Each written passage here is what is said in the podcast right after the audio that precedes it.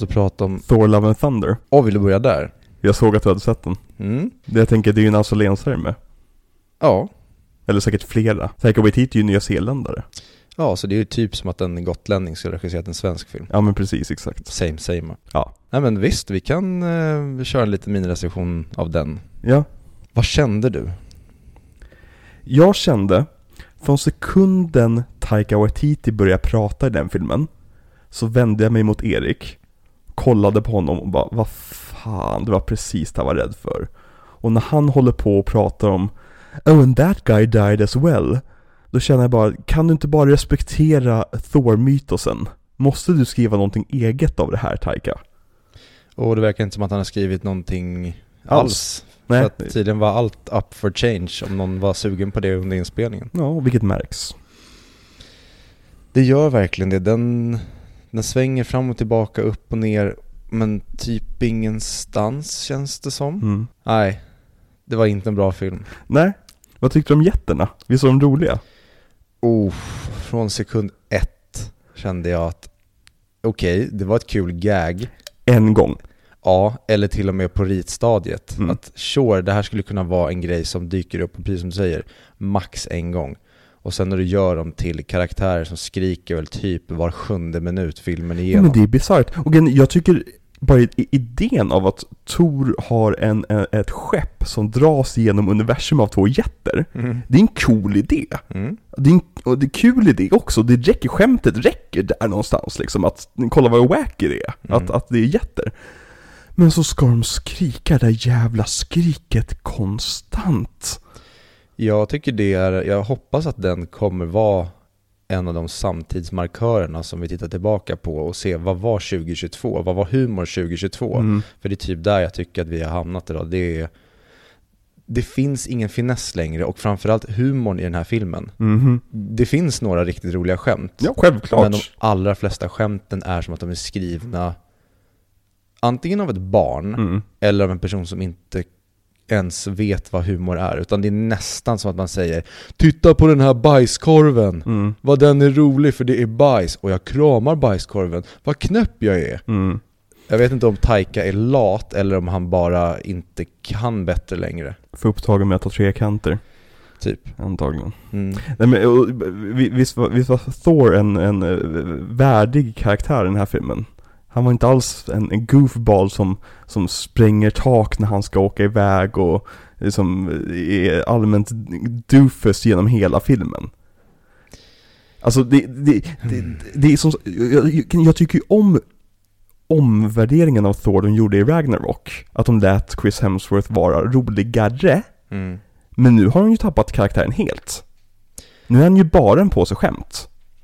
Mm, det skulle jag nästan säga hela problemet med... Jag tycker också det är när man kommer till Jane. Mm. Och det känns nästan som filmen, den kan inte bestämma sig för om hon är Thor, Mm. om hon är en Thor, om hon inte är Thor, om hon kan välja att gå vidare och leva om hon vill, om hon kan dö om hon vill. Alltså, den, den är hela tiden som att den ändrar förutsättningarna. Mm. Och sen i slutändan så känner jag bara att Gud vad det här kunde bli bra om ni bara gjort den här storyn som man märker är där från början men som ni har valt att bara deraila från gång på gång på gång tills ni inte ens vet vad vi håller på med. Exakt, det finns ju bitar där som är, det finns ju en bra film där någonstans. Om man bara skulle liksom ta fram den stora jävla saxen skulle man kunna göra en en, en film som funkar av det här nästan.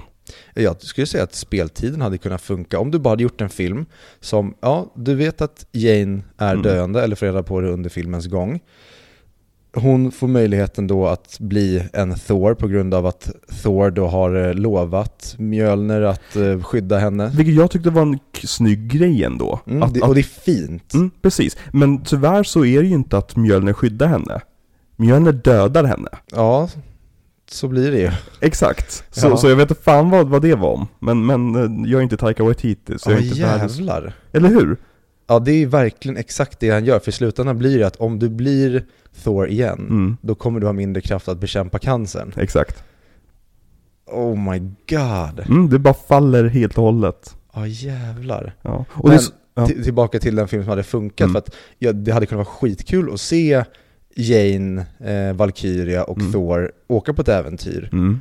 Ja. Eh, och utan de här jätterna då, men att han ja, men att de hela tiden, eller att hela huvudmainplotten hade kunnat vara att vi måste till gudarna Mm. för att prata om att det kommer en person som ska utrota gudarna. Mm. Gudarna garvar åt oss eller på något sätt säger att vi får inte göra folk upprörda och rädda. Mm. Och det hade kunnat handla om det, samtidigt som de sen märker att oj, det går inte. Vi kommer inte få deras hjälp, vi måste göra det själva. Mm. Och sen så möter de, han, Brog, Grog, Gro- eh, Gore. Ja, men det är så här, filmen har ju egentligen ingen handling. Alltså utöver det att det är improviserat. Alltså, det, det, filmen börjar med att de får reda på att Gore är ute där och dödar gudar. Okej, vi måste besegra honom. För att besegra honom så måste vi bli bättre. Okej, så då förlorar jag hela mitt team och sen åker jag och besegrar honom själv. Mm. Det, det är liksom, det finns ingen uppbyggnad i filmen. Utan det är bara helt plötsligt att Thor eh, någonstans bara bestämmer sig för att, ja men jag får väl i alla fall försöka då. Mm. Det, det är liksom, det är det filmen leder till. Verkligen. Det, Ja, det, är, det är bisarrt. Och det är så synd att Christian Bale, det märks att han har jätteroligt. Men Ja. jag tycker karaktär, de borde ju verkligen rainat in det lite Eller det hade funkat om, om inte resten av filmen var så jävla goofy. För då hade det mer varit att han var excentriker, snarare än att han också försöker dra skämt. Ja fy fan, det känns inte som att de vet vad de ska göra med honom. För att när, Nej. när han är läskig, Mm. då är han skitläskig och det Mm. funkar skitbra. Och sen tar de bort hela hans skräckinjagande del för att han helt plötsligt ska vara lite kul och lite, typ lite överteatral. Mm. Och så tappar vi honom och sen ska ni tillbaka till att han ska vara läskig igen. Mm. Alltså det är nästan lite Baz Luhrmann-grejen. Vi kan inte bestämma oss för vad vi ska ha för genre här. Ja men bara ta, ta in en sekvens med honom när han och hans dotter, jättebra sekvens i början, seriös som satan, vi ser ett barn dö på skärmen i Marvel-film, aldrig hänt förut. Nästa, nästa scen är att en, en goofy tjock gud skrattar i CGI-land liksom, Mm. åt honom. Och man känner bara att nu har vi inte bara två toner mellan scener, nu har vi två toner i en och samma scen här. Ja men det är nästan Moulin Rouge. Att vi går jätteblajigt i inledningsscenen på The Mm. Gas Station. Och sen ska vi bli romantiska. Ja, nej men det är, mm, det, det är en bisarr film. Mm. Och det, det är verkligen, Skitful. Ja tyvärr. Alltså Marvel måste varva ner så att CGI-skaparna får ta tid på sig att skapa Mm. effekter. Det, det, börjar, det, det börjar synas i kanterna ordentligt nu. Mm. Det är liksom så här filmer, alltså ta Ta Guardians of the Galaxy 1 är snyggare än alla Marvel-filmer som kommit se- efter Endgame. Alltså eh, effektmässigt. Mm. Alltså det är verkligen, det, det, det, det märks så tydligt att de inte får tiden att kunna göra de här effekterna. Och så, inga kostymer är ju på riktigt. Alla, alla dräkter är ju CGI. Det är typ någonting som jag verkligen tycker att de får till. För de dräkterna i, jag märkte i alla fall inte någon gång under filmens gång att Ja. jävlar vad det där ser dåligt ut. Framförallt eh, när Thor och eh, Jane har sina dräkter. Mm. Det, så, ah, men det ser fan riktigt bra Det ut. ser jättebra ut. Men de la ner tiden på det. Mm. Som de kunde, hade kunnat lägga på annat. Mm. Det, det är ju det som är problemet. Mm. Och de, ja, jag har ju läst varför de eh, gör CGI-dräkter nu för tiden. Och det är ju på grund av att eh, C- eh, CGI-skapare, de är inte unionized. Så det är billigare att anställa CGI-skapare för att skapa dräkter än att anställa en skräddare som är i facket. Som de måste betala lite mer. Dude. Det är nästan så att Ike Perlmutter är tillbaka. Ja. Men, åh, jag blir så trött på snåljåpar när det kommer Mm. till konst och framförallt film. Ja och speciellt Marvel som ska vara som de dyraste filmerna någonsin. Det är det som är kul med de filmerna tycker jag. Mm. Att se liksom, det är som ett ett lands årsbudget kastad på en skärm. det, är som, det, det är det som jag tycker är härligt med dem, att de tar det så jävla seriöst att göra de här filmerna. Men det gör de ju inte längre tycker jag. Nej, det... Den, Det- den här filmen har verkligen krossat mitt Marvel-hjärta på ett sätt. Jag, jag, jag, det är så synd. För jag brukar ju vara väldigt positiv liksom när det kommer till Marvel. Mm, och jag förstår verkligen det på samma sätt som jag blev lite såld på Marvel Mm. av Taikas första Marvel-film. Mm. Att gud vad kul och fräscht det här var. Mm. Så har den sjukan nu verkligen nästan som den här Paul Feig-humorn. Mm. Den börjar ta över hela Hollywood nu. Mm. Där allt bara är vuxna människor som beter sig som bebisar Mm. och som inte alls får en det är inte en komikers penna som har skrivit det här Nej, i nej. en film utan alla är, alla kan vara roliga, bara du låter dem få en sekund att dra sina egna skämt. Och tyvärr är det inte så. Vadå, tyckte du inte att Russell Crowe var värdig? Det fanns en del charm i hans karaktär tyckte jag. Han, han, han är ju en bra skådespelare, alltså han har en bra grund att stå på, så det är alltid kul att se Russell Crowe. Och han är en väldigt bra humorskådis. Mm. Men det är många saker med hans Sev som inte alls funkar och framförallt så är det Taikas fel. För jag Mm. tycker det, det Russell Crowe gör som grund, Mm. när han bara är en balanserad Sevs funkar. Mm. Men så fort han ska vridas upp, då är han så jäkla tråkig och lökig. Ja. Stannar du kvar för after credit-sekvenserna? En, tror jag. Minns inte. Du såg den med Hercules eller? Ja. Ja. Tyckte du att han såg ut som en Hercules? Nej. Nej, visst är han liten? Och han såg ut att vara typ med i Arrowverse. Ja, Det ja, såg men- inte ut som en Marvel-karaktär. Eller hur? Och jag, alltså, åh gud, Hercules är också, det är av mina så här, en av de karaktärer som jag tycker verkligen saknas i Marvel-universumet, en av mina liksom, favoriter som jag var liksom, glad att se komma in liksom. Mm. Och så castar de en snubbe som, liksom, du och jag har bredare axlar än killen. Och det är liksom så, det, det, det, är bisarrt. Och tydligen han är jättepoppis efter den här Ted Lasso. Mhm. Han, är- han är med där och spelar en fotbollssnubbe. Ja, okej. Och han har ju en fotbollskropp liksom. Men fotbollskroppar, det är ju inte gudakroppar. Nej, beroende på position. Ja, självklart, självklart. Men alltså, så, i mina ögon, Hercules ska vara bredare än Thor. Ja men han ska ju vara som, nu tycker jag att eh, Chris Hemsworth är kanske lite för bulkig i den här. Han, han ser bara väldigt orörlig ut. Mhm. Men gör Hercules så Mm. och låt Thor vara lite mindre som han har varit tidigare, men bara lite mindre. Ja. Ja, nej verkligen. Alltså det var sån stor besvikelse. Alltså det, det jag brukar alltid vara, när jag sätter Marvel-film på bio, så brukar spektaklet kunna göra så att när jag går ut därifrån så säger ja men det här var ändå kul. Mm. Det, det här var ändå nice. Alltså även typ Shang-Chi eller Black Widow eller de här liksom lite sämre filmerna, Eternals, så är det så här, ja men där, jag, jag tyckte om det här. Det var liksom, jag, jag fick valuta för pengarna. Här, kände, här var jag liksom arg när jag gick ut ur biografen. Mm. Och liksom in, in, innan folk håller på och börjar gnälla, det handlar inte om hur jävla liksom, diverse den här filmen var eller hur många skämt om att alla är, alla är gay den här filmen hade. Det, är- det är inte det jag ens tänkte på, utan den här filmen var bara fattig. Mm. Jag, har- jag har inget problem med vad den nu gör politiskt eller Nej. vad den vill sända för budskap, utan det är bara en väldigt, väldigt dålig film som ser väldigt dålig ut. Det är Mm. mitt största problem, sen kan man gå ner och nitpicka i mycket annat. Men jag hade fortfarande mycket roligare med den än vad jag typ hade med Incredible Hulk. Mm. Eh, och sen är den typ på samma nivå som Iron Man 2, alltså Mm. när det kommer till att vad fan håller ni på med? Mm. Men jag älskar fortfarande att se Chris Hemsworth vara Thor. Mm. Så, så det tar jag ändå med mig och det är kul nu när de verkligen gått full-blown färger. För det är Mm. roligare än att de hade gjort som sekvens av den här filmen när det är svartvitt. Mm. Den grejen så här, ja det, det var en kul grej. Men sen blev det ganska tråkigt bara och det såg inte speciellt snyggt ut tyvärr. Exakt. Nej men verkligen. Ska vi prata om lite andra australiensare? Mm. Nej, jag har en annan grej jag vill ta upp först. Det är Comic Con nu. Det är det? Mhm. Just Mhm. nu alltså. När vi Eh, spelar in alltså. Ja men precis, exakt. De släppte en trailer till Dungeons and Dragons som såg faktiskt rätt kul ut. Jag har inte hunnit se den. Ja. Chris Pine i huvudrollen. Mm, jag såg Och att Hugh Grant som någon slags skurk. den verkar galen. Ja, men jag tror att de, de har verkligen embraceat det här att det är karakt- personer som sitter och spelar de här karaktärerna Mm. ö- över ett bord, så att säga. Mhm. Så, för det är ju det Dungeons and Dragons är. Alltså det är ju så jag tycker man ska göra en Dungeons and Dragons film. Att, att det är karaktärer som, som liksom, att det finns en film ovanför filmen. Mm. Lite grann som Mother. Mm. Ehm, ja. Nej men jag tyckte, tyckte det såg fräscht ut. Ehm, och det kommer ju komma massa Marvel-nyheter och DC-nyheter och grejer. Jag får se om jag kanske orkar spela in någon specialare i helgen om, om, om det är något spännande som kommer. Mm. Jag tror inte det. Men med Ja. det sagt. Jag tänkte, ska vi gå över till en, eh, när du sa, ska vi gå över till en annan australiensare. Har du, eh, eller på tal om pannkaka, har du hört att professor Sprout är upprörd? Nej, vadå? Hon eh, arbetade ju med en eh, väldigt känd eh, för detta, eller ja för detta, han har i alla fall varit politiker.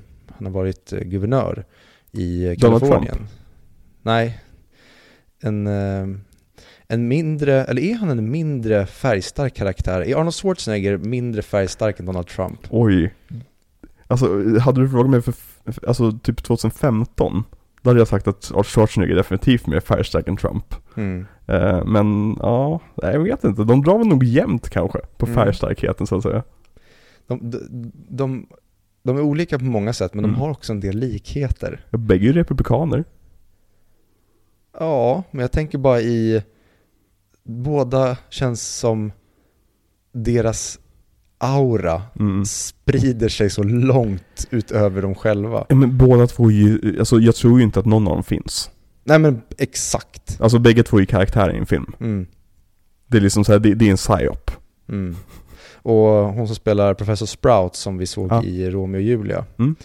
Hon var ju nu upprörd eller gick ut och eh, jag vet inte riktigt hur det låg till. Var, varifrån, det var en intervju såklart som hon var med i. Mhm. Men jag minns inte hur frågan var ställd utan jag har typ läst ehm, texten om texten där Okej. intervjun fanns. Men hon sa i alla fall att eh, på inspelningen av End of Days, där Mhm. de var med tillsammans, så pruttade han henne i ansiktet. Mhm. Och hon sa, det är inget konstigt, alla människor pruttar. Problemet var att han gjorde det i mitt ansikte, med flit. Jaha. Och då verkade folk typ bli upprörda, men ändå inte upprörda, för det låter som en sån harmlös grej. Ja men Och verkligen. min känsla med att vad- vad ska det här leda till? Du ser ju bara ut som en väldigt, väldigt fjantig person som tar upp en 20 år, eller 25 år typ till och med måste det ju vara. 30. Är den så gammal? End of Days kommer typ 95? Ja okej, jag fick för mig att den kom typ 98, 99. Ja men du kanske har rätt. Men ja, 20 år plus gammal Ja. film där någonting har hänt som i sin kontext så det, det låter märkligt om, om någon bara skulle gå fram och prutta någon ansikte. Jag tror att Arnold Schwarzenegger bara hade, han träffade kanske lite snett med sin humor Mm. på inspelningen. Jag har en hetare take på det. Hon Heta borde, fan, på. hon borde fan vara tacksam för den anekdoten. Ja, eller jag, jag hade velat bli pruttad i ansiktet av Arnold Schwarzenegger. Fattar att kunna dra, dra det kortet. Mm. Jag blir pruttad i ansiktet av Arnold Schwarzenegger. Ja, kul, berätta mer. Alltså Mm. det, det är ju perfekta konversationsstartaren på liksom en tråkig middag. Mm. Alltså det är verkligen, ja, nej. Vad, eh, vad har du gjort i din karriär? Nej men jag spelar Professor Sprout i Harry Potter-filmerna. Mm. Så, jaha, ja, okej. Eh, Jag blev pruttad i ansiktet av Arnold Schwarzenegger. Alla bara yay, berätta mer! Ja men verkligen, nej men på riktigt. Och det är så harmlöst liksom. Det är inte så att han liksom grabbade tag i henne eller, eller våldtog henne eller slog henne. Eller, alltså, det är så, liksom, du fick lite, lite metangas i ansiktet. Ja, Ja, jag ställer mig på Arnolds sida här. ja men verkligen. Mer pruttar i ansiktet på kända skådisar. Ja men precis, ja men och grejen, alltså, de är så jävla välbetalda, något ska de få betala för liksom. Mm. Ja. Hon, hon kanske fick en ögoninfektion av det. Vad heter Pink Eye? Ja men precis. Vilket kul, finns det i Sverige? Det känns ju som att det bara pratas om i USA. Ja, jag, jag vill minnas att den enda gången jag kom i kontakt med det, det Ja. var i typ amerikanska sitcoms. Men exakt. Framförallt Family Guy. Ja, men precis. Men jag tror att det kan också vara en sån sak som är otroligt jävla ovanlig egentligen. Men som amerikanerna blåser upp för att det är kul. Mm. I som komedier. Och det är nog ingen som får det av mer än att det är riktigt äckliga personer som förmodligen har mer bakterier i sin röv än vad de ska ha. Stoppar Precis. ner ett finger i sin röv. Där de inte ska Kliar och sen så typ fem precis. minuter senare gnuggar sig i ögat. Exakt, Liksom. Ja, så det är verkligen en disgusting och pinsam grej att dra på sig. precis. Så kom ihåg åt folk, tvätta händerna. Och torka arslet. Ja, torka, och, och, och när, när du har torkat arslet, tvätta händerna efter det. Ja, speciellt om du torkar det med handen. Ja men precis, om du bor i Indien, det är okej, man får bo i Indien, jag dömer inte för det. Men du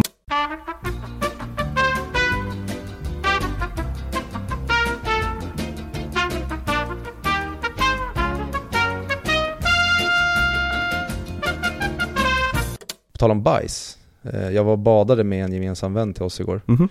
Och eh, när vi var på badplatsen. Var det prästen? Ja, Mm. exakt. Pastorn. Mm. Och när vi var och badade där så blev prästen väldigt bajsnödig. Mm. Och då skulle en eh, vän till oss komma dit och då sa vi, kan du ta med toapapper? För prästen börjar bli lite punödig. Mhm. Men då har jag hört och läst att det ska vara bland de mest frihetliga känslorna i hela världen att bajsa i vattnet. Mhm. Så då pushade jag prästen till att göra det här. Och prästen gjorde det. Okej, hur gick det då? Jag glömde bort att han gjorde det. Så att vi har inte pratat om det. Jaha, okej. Det jag frågade bara senare, gjorde det? Ja. Jaha. Ja men hur var det? Och sen blev vi typ avbrutna. Ja. Så to, to be continued om vi vill höra Om hur det känns att bajsa i vattnet. För att jag tänker, om, om, om, det, om man har en fiberrik diet så att säga. Då, då kan det nog, och det som det blir en bra korv. Mm. Då kan det nog bli en bra, kul upplevelse liksom. För den sjunker ju ner liksom. Eller, Det var det han sa att den gjorde. Ja, Okej, ja, men bra. För, men jag tänker om man är lö- lös i magen känns det som en mardröm. Helt plötsligt så badar du i bajsvatten. Årets varmaste dag, Ja. badar i en sjö, lös i magen, Ja. förstört dagen för alla. Gud, fy fan vad varmt det var igår. Underbart. Helt jävla fantastiskt. Ja, och jag, som tur var så är jag smart så jag hade fönstren stängda och persiennerna neddragna när jag satt och jobbade. Jag hade jättebehaglig temperatur hela dagen. ja, du tog del av dagen. Ja men, jag jobbade ju. Vad ska jag göra? hade jag haft en balkong hade jag jobbat på den istället. Mm. Det är ju fan nästa grej när jag köper ny lägenhet. Balkong. Balle är nice. Ja, det är nice. Jag har en väldigt fin balle redan. Nej, eh, eh, det har jag De pratade om att sätta in fransk balle i mitt område på de eh, eh, lägenheter som inte har det. Varför tänk, när jag hör fransk balle då tänker jag nästan på asian balle. Jaha. Jag har fransmännen ett rykte av att ha små kukar menar du? Nej, det, jag vet inte. Nej? Jag har aldrig funderat på fransmäns... Nej, nej men okej, ska, ska, ska vi... Vilk, vilken europeisk... Vilket europeiskt land har störst kuk tror du? Alltså ren känsla. Vad tänker du? Jag säger typ Spanien. Mm. Kanske italienare. De, fast- men de kanske mer har s- välsvarvade. Ja kanske men precis, exakt. Snygga kukar. Alltså har du sett alla liksom italienska statyer? Från antiken? Det är ju liksom den här. Jag tror att de... Frågan är där om, om det var det, Mm. eller om de bara inte hade någon, något koncept alls av vad en, en kuk borde vara. Eller så kanske det är så religiösa regler att du måste göra kuken liten om du ska ens ska ha en kuk med i den här statyn. utsträckning. Ja. It's gotta be modest. Mm. Det, det var ju nå- någon påve som fick krupp ju.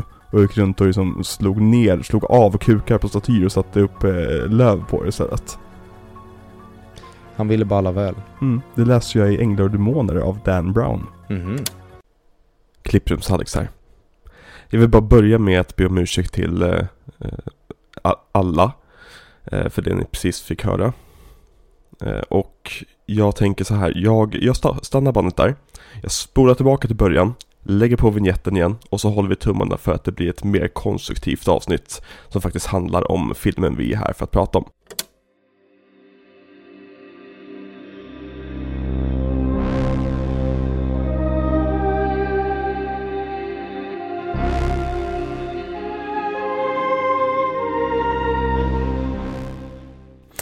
Välkommen till Audio Videoklubben. Eller välkommen tillbaka till Audio Videoklubben. Mm. Jag skulle, då skulle, jag borde egentligen bara köra Somewhere over the rainbow. precis, Ja. för att Nicole Kidman låter ju som mig när hon sjunger den. Jag skulle säga att du sjunger bättre än vad Nicole Kidman gör i den här filmen. När hon går upp i den här höga pitchen på slutet Ja, ja exakt, det, det är en typisk Victor-grej. Mm. Så då uh, skiter vi det så kör jag bara en vanlig Audio video är bra på Men fan, har du inte stängt av ljudet på filmen? Nej, men nu riktade jag micken mot uh, Australia Mate Ja, okej. När vi nu tittar på Crikey. Australia Mate Precis. För den här veckan ska vi prata om Australien. För det här har blivit en resepodcast. Mm. Eh, Jag tog en trip till Australien. Eh, Det var väldigt dyrt. Det tog väldigt lång tid att åka dit. Jag var bara där några timmar. Eh, Sen så åkte jag tillbaka. Eh, Jag fattar inte riktigt varför du ville att jag skulle göra det. eh, När du sa att nu tar du Australien. Men jag har gjort det och jag måste säga att det var varmt där och det är mycket kängurur och det ja. eh, Så, ja, jag har inte jättemycket att säga. Så jag satt mest på flygplan. Det är som 18 timmar dit, 18 timmar hem igen liksom. mm. Ja. Eh, Men bra Ja, vad har du för erfarenhet av Austra- Australien? Har du varit där? Nej, jag och uh, Becka som tyvärr inte kunde vara med idag Nej, okej.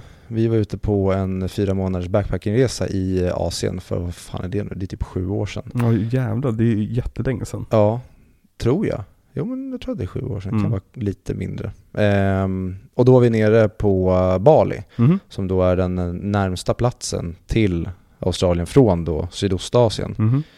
typ, vill jag i alla fall minnas. Och då pratade vi om om vi skulle ta en sväng ner till Australien. Men det var ju typ lika långt till Australien från där vi var som det var tillbaka hem till Sverige. Ja. Så, och det skulle bli en eh, typ, vi skulle behöva dubblat vår budget då så vi eh, avstod från att göra det. Ja. Vilket man kan ångra i hindsight men där och då så eh, valde vi att uh, vara med de uh, asiatiska människorna. Aj, aj, aj, aj, aj, nu blir vi cancelled igen. Men jag var bara en av karaktärerna i filmen. Ja, du riktade mycket mot filmen igen. Ja. Okej, du, du var eh, Sing Song som pratade där. Ja. Ja, nej men jag förstår. Nej men det här är ju eh, fjärde avsnittet va? I vår miniserie om Baz Luhrmann. Mm. Den eh, otroligt spännande mannen Baz Luhrmann. Ja. Ja. Och Viktor, vad har hänt sen sist? Det är inte jättemycket som har hänt sen sist, vad Nej. jag förstår, utan... Det hade eh, gått sju år. Ja. Och Bass har eh, typ planerat den här filmen. Mm.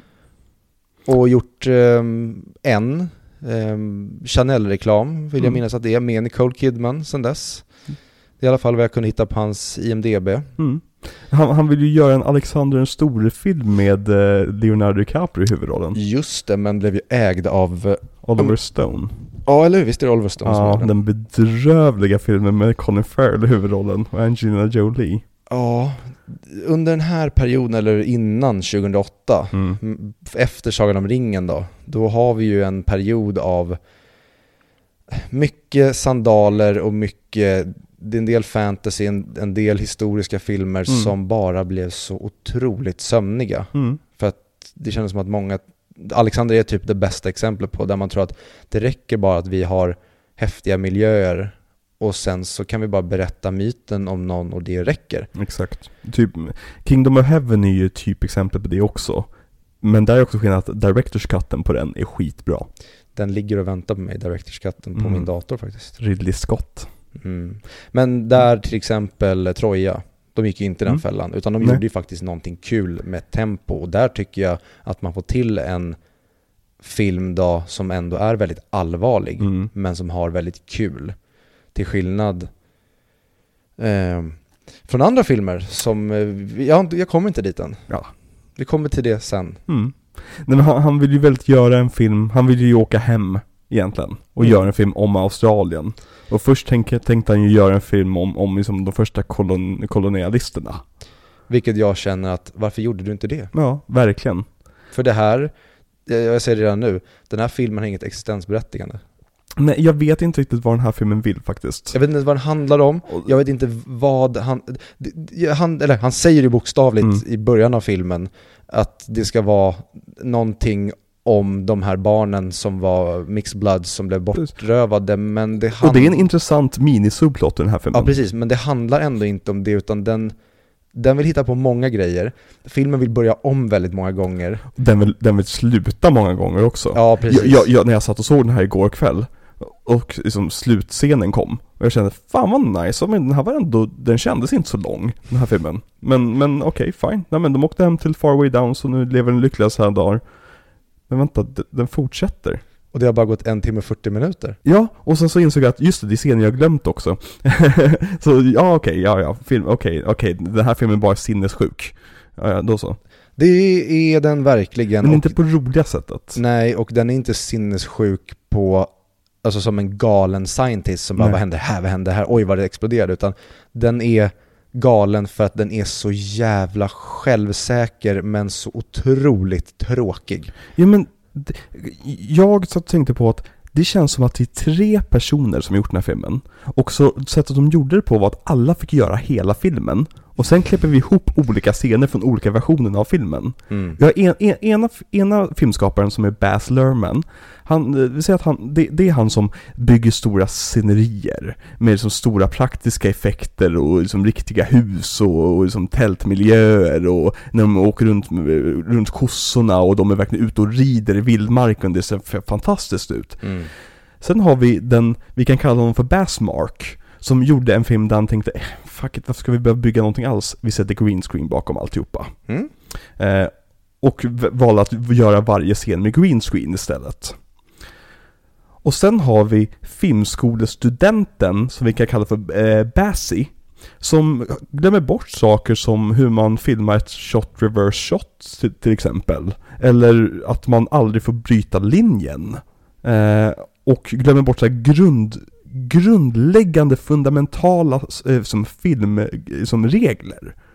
Och jag tycker liksom, den här filmen går från att vara briljant regisserad till att vara amatörmässigt regisserad till att bli briljant regisserad till att bli amatörmässigt regisserad. Mm. Och jag fattar inte, alltså den här filmen är ju dödad av sina reshoots, antar jag.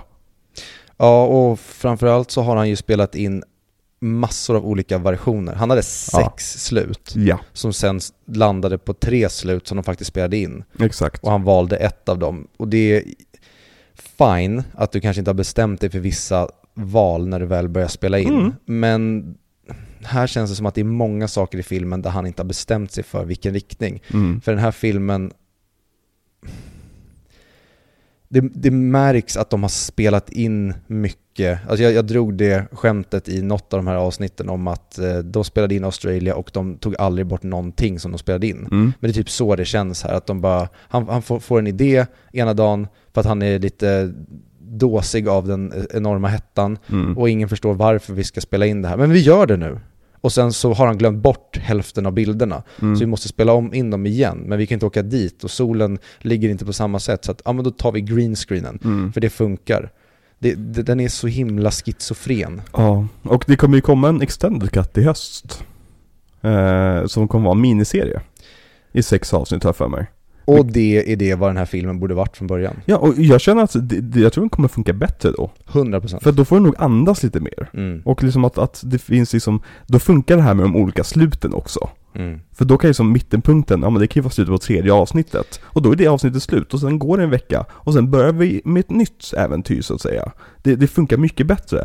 Här blir det så, alltså jag, jag blir ju provocerad över hur, hur utdraget också slutet var. Alltså det riktiga slutet i den här Mm. filmen. Och, och för att det var en film som handlar väldigt mycket om distansen mellan det här stället och, och eh, Darwin, där staden ligger, Mm. så teleporteras folk till, till Darwin väldigt snabbt på slutet. För mig känns det som att eh, alltså Fairway Downs, Mm. det ligger runt det där berget som vi ser hela tiden i Mm. bakgrunden.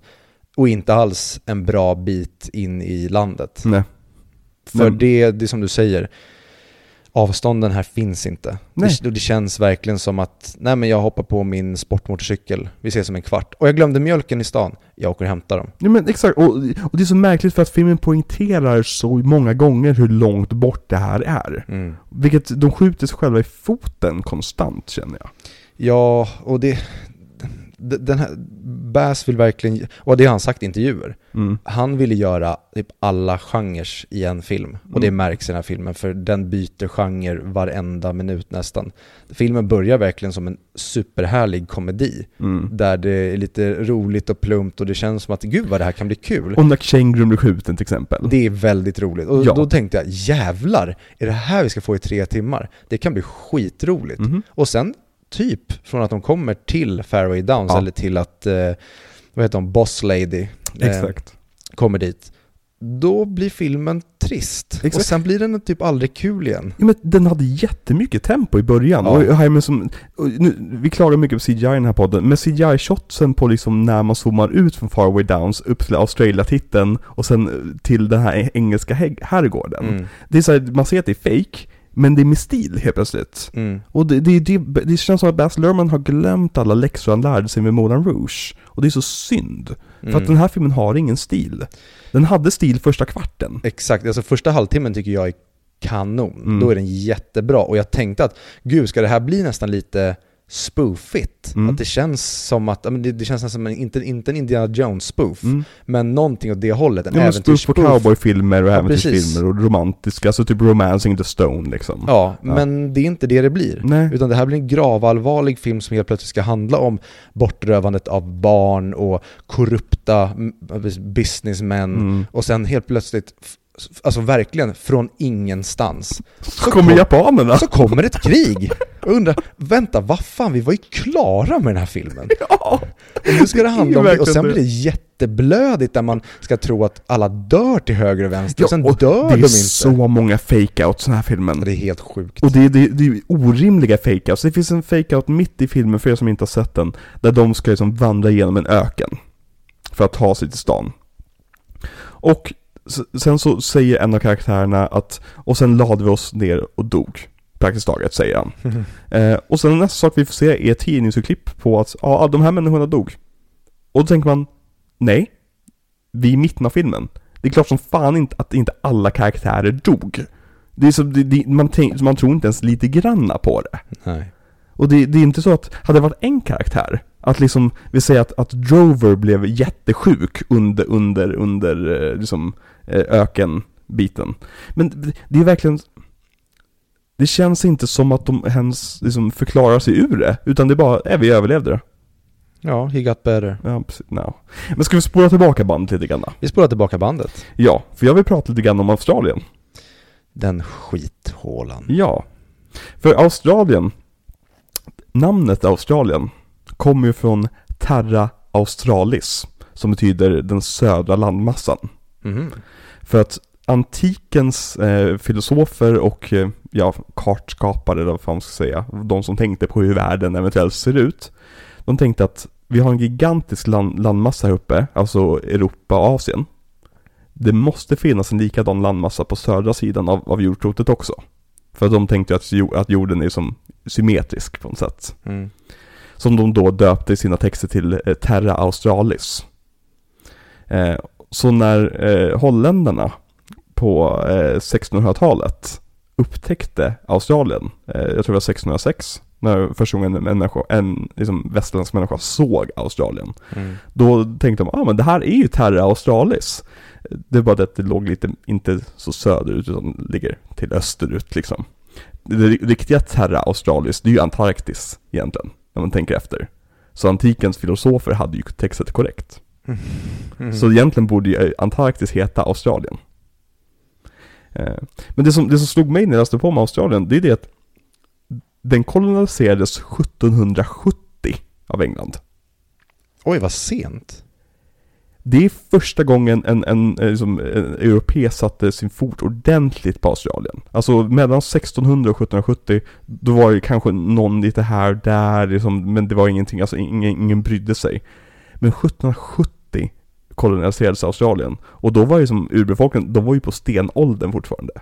Mhm. De hade väldigt begränsad, nu kommer säkert någon historiker kunna slå om fingrarna, men de hade väldigt begränsad liksom, liksom vad heter det, kunna eh, plantera växter och grejer. Det är som de hade precis upptäckt den biten. Och så kommer skepp med liksom engelsmän och så. Det, är- alltså, liksom, ursprungsbefolkningen i USA, de hade ju liksom ordentliga civilisationer och städer och grejer. Vilket man, man tänker inte, man tänker att de bodde i tipis ute på savannen liksom, eller på prärien. Men jämfört med Australien så var ju de högutvecklade. Hmm. Alltså Australien var ju, alltså de, de var ju ett stenåldersfolk. När, när, när vi europeer upptäckte dem. Alltså ab aboriginerna. Ja precis, jag, jag, jag vågar inte säga det ordet för att jag faller alltid in i aubergine när jag säger det. Eh, så jag håller mig borta från att säga aubergine, jag säger ursprungsbefolkningen i Australien. Och det blir en längre podd också om jag säger det fler gånger. Då gör vi det. Precis. Eh, nej men den första eh, kolonin, det var ju en så kallad penal colony, alltså en fängelsekoloni. Som James Cook, eh, den eminenta mannen, döpte till det otroligt originella namnet New South Wales. Och jag tänker som South Wales, då har du redan lagt på ett ord på originalnamnet. Mm.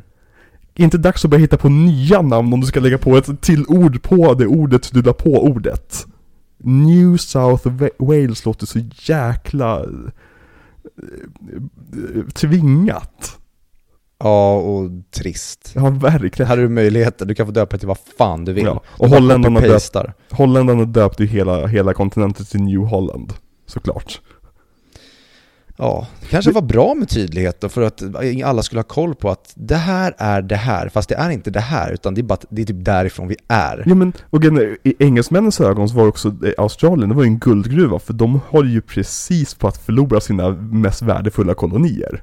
Och så bara upptäckte de en helt ny landmassa, bara, ja, ja men då så, då börjar vi om här då. Nice. Fast med fångar. Precis. Ehm, vet du vilket år Australien grundades? Nej, kanske 1850 eller något. 1901. Ja, det var så sent. Det är, det är ett jävligt nytt land. Mm. Vilket man inte tänker. Alltså för, för, för oss har ju Australien alltid funnits liksom. Så att säga. Men, men det är liksom Mozart visste inte att Australien var en grej. Så att säga. Vilket jag tycker är väldigt spännande. Att liksom en, en så, så giga, för det, det är ju ett gigantisk landmassa. Alltså det, och den är mest, det, det går inte att bo på de flesta ställena av det. Och det finns ju massa planer på att till exempel eh, gräva stora kanaler genom Australien för att få in vatten och för att kunna göra så att liksom, det går, eh, så att det blir grönt. Mm. Men eh, miljömupparna tycker inte att det är en bra idé för att det finns lite utrotningshotade arter och grejer så att som skulle då komma i kläm om man skulle göra så. Det är väldigt synd. Auberginerna. Nej, nej, jo, de har säkert jättemycket problem med också med att det typ skulle dras genom heliga områden och grejer. Men jag känner som så här, om vi, om vi blir med överbefolkning, kolla på Australien och gör det till, en, till ett bra ställe att bo på.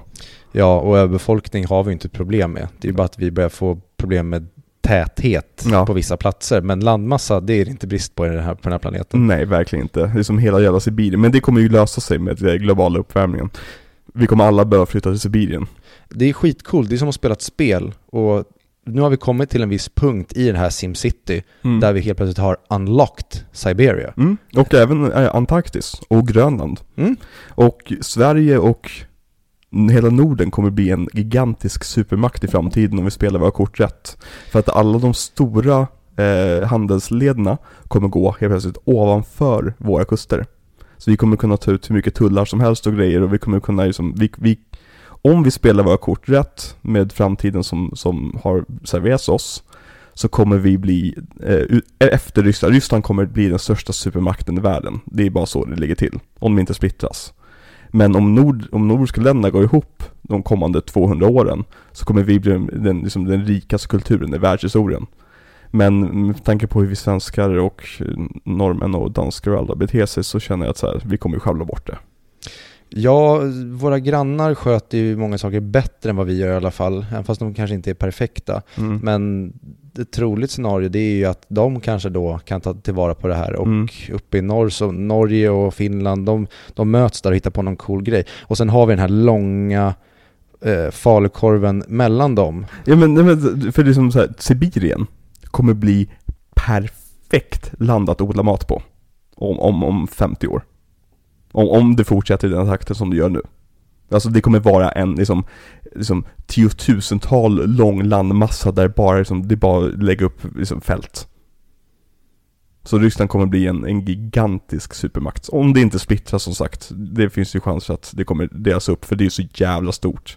Alltså man tänk, när man tänker Ryssland, då tänker man ju som, ja men Putin. Alla ser ut som Putin typ. De är vi- vita slaver liksom. Mm. Men, men Ryssland, det är ju som, det är ju Kina. Ja, det, Ryssland är mycket. Hur fan kom vi in på Ryssland? Just det, den globala uppvärmningen och så vidare. Ehm, Men det gör ju eh, hela Putins grej han håller på med nu. mhm. Att det är som att vi får se en av världens mäktigaste människor misslyckas med marshmallow-testet. Istället för att du, dude, vänta, så kommer du ha jättemycket rolig yta du kan göra jättemycket roligt med. Säger, men jag vill ha roligt nu! Det är snarare, det är jag som ska ha roligt. Ja, Mm. Ja, verkligen. Lite is i magen bara Putin. Försök, försök investera att bli odödlig istället. Precis. Mm. Men ska vi prata lite grann om eh, filmens eh, huvudkaraktär? Mm. Hugh Jackman. Om Ja. det ens är filmens huvudkaraktär. Vad, vad, vad, vad tycker du om Hugh Jackman i övrigt? I love that guy. Visst gör man? Han, han känns som en så jävla helylle och superhärlig kille. Mm.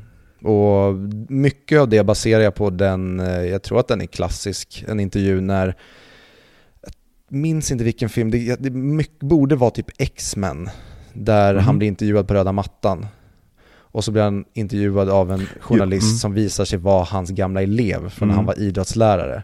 Och han verkar vara, och han bara ah det är du! Som jag hade som elev när jag jobbade där. Mm. Och den här journalisten blir amazed över att du minns mig. Mm. Bara, ja men vad fan, det är klart jag är det. Han känns verkligen som världens snyggaste idrottslärare Mm. som sen fick chansen att bli skådis och var Ja. tydligen svinbra på det. Ja, och han är alltid kul att se i filmer. Även i skitfilmer som typ Chappie, så är han typ den bästa biten. Han är så jävla bra i eh, Movie 43, 43. Ja. heter den. Men den filmen är ju underskattad tycker jag. Jag tycker folk, Väldigt. jag tycker folk är alldeles för hårda mot den filmen.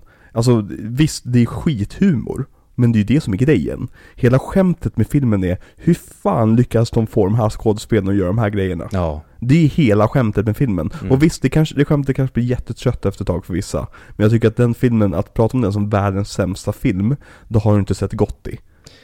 Eller The Room.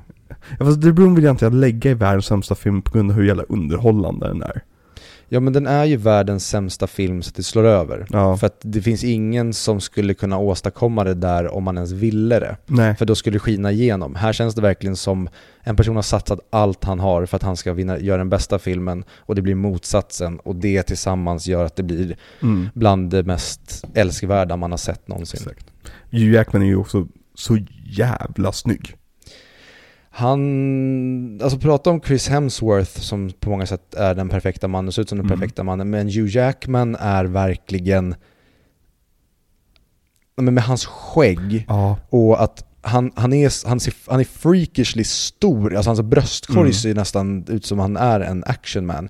Men han ser aldrig abnormt stor ut på något sätt. Han, han ser ut som han skulle vara precis lika snygg i en Bond-kostym utan att han skulle se ut som en gorilla. Ja men det är så här, med honom, jag, jag tänker mig med honom att han luktar svett, men på ett sätt där det blir hett. Mm. Alltså att det är liksom så här, det, det, det finns en manlig musk från honom liksom. Mm.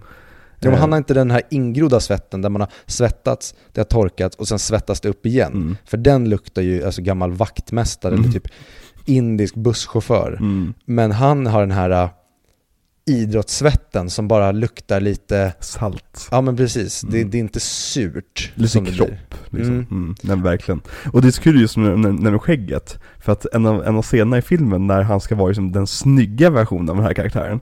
Då rakar han av sig skägget och jag känner så här, du blir typ 50% mindre snygg nu. Ja, verkligen. Ja. Och, och det är också kul att Nicole Kidmans karaktär tar det som ett slags löfte. Och han har rakat av skägget och satt på sin kostym. Det betyder att han kommer vilja gifta sig med mig och vilja bo med mig på Far- Faraway Downs. Men jag skriver inte på det här kontraktet. Hejdå! Men vi kommer komma in på Nicole Mm. Kidmans karaktär. Tro mig. Vi kommer Jag- komma in på Nicole Kidmans ansikte. Det är så synd. Det är verkligen som att någon har liksom försökt photoshoppa Mona Lisa. Mm. Men eh, Russell Crowe var ju påtänkt för, för den här rollen.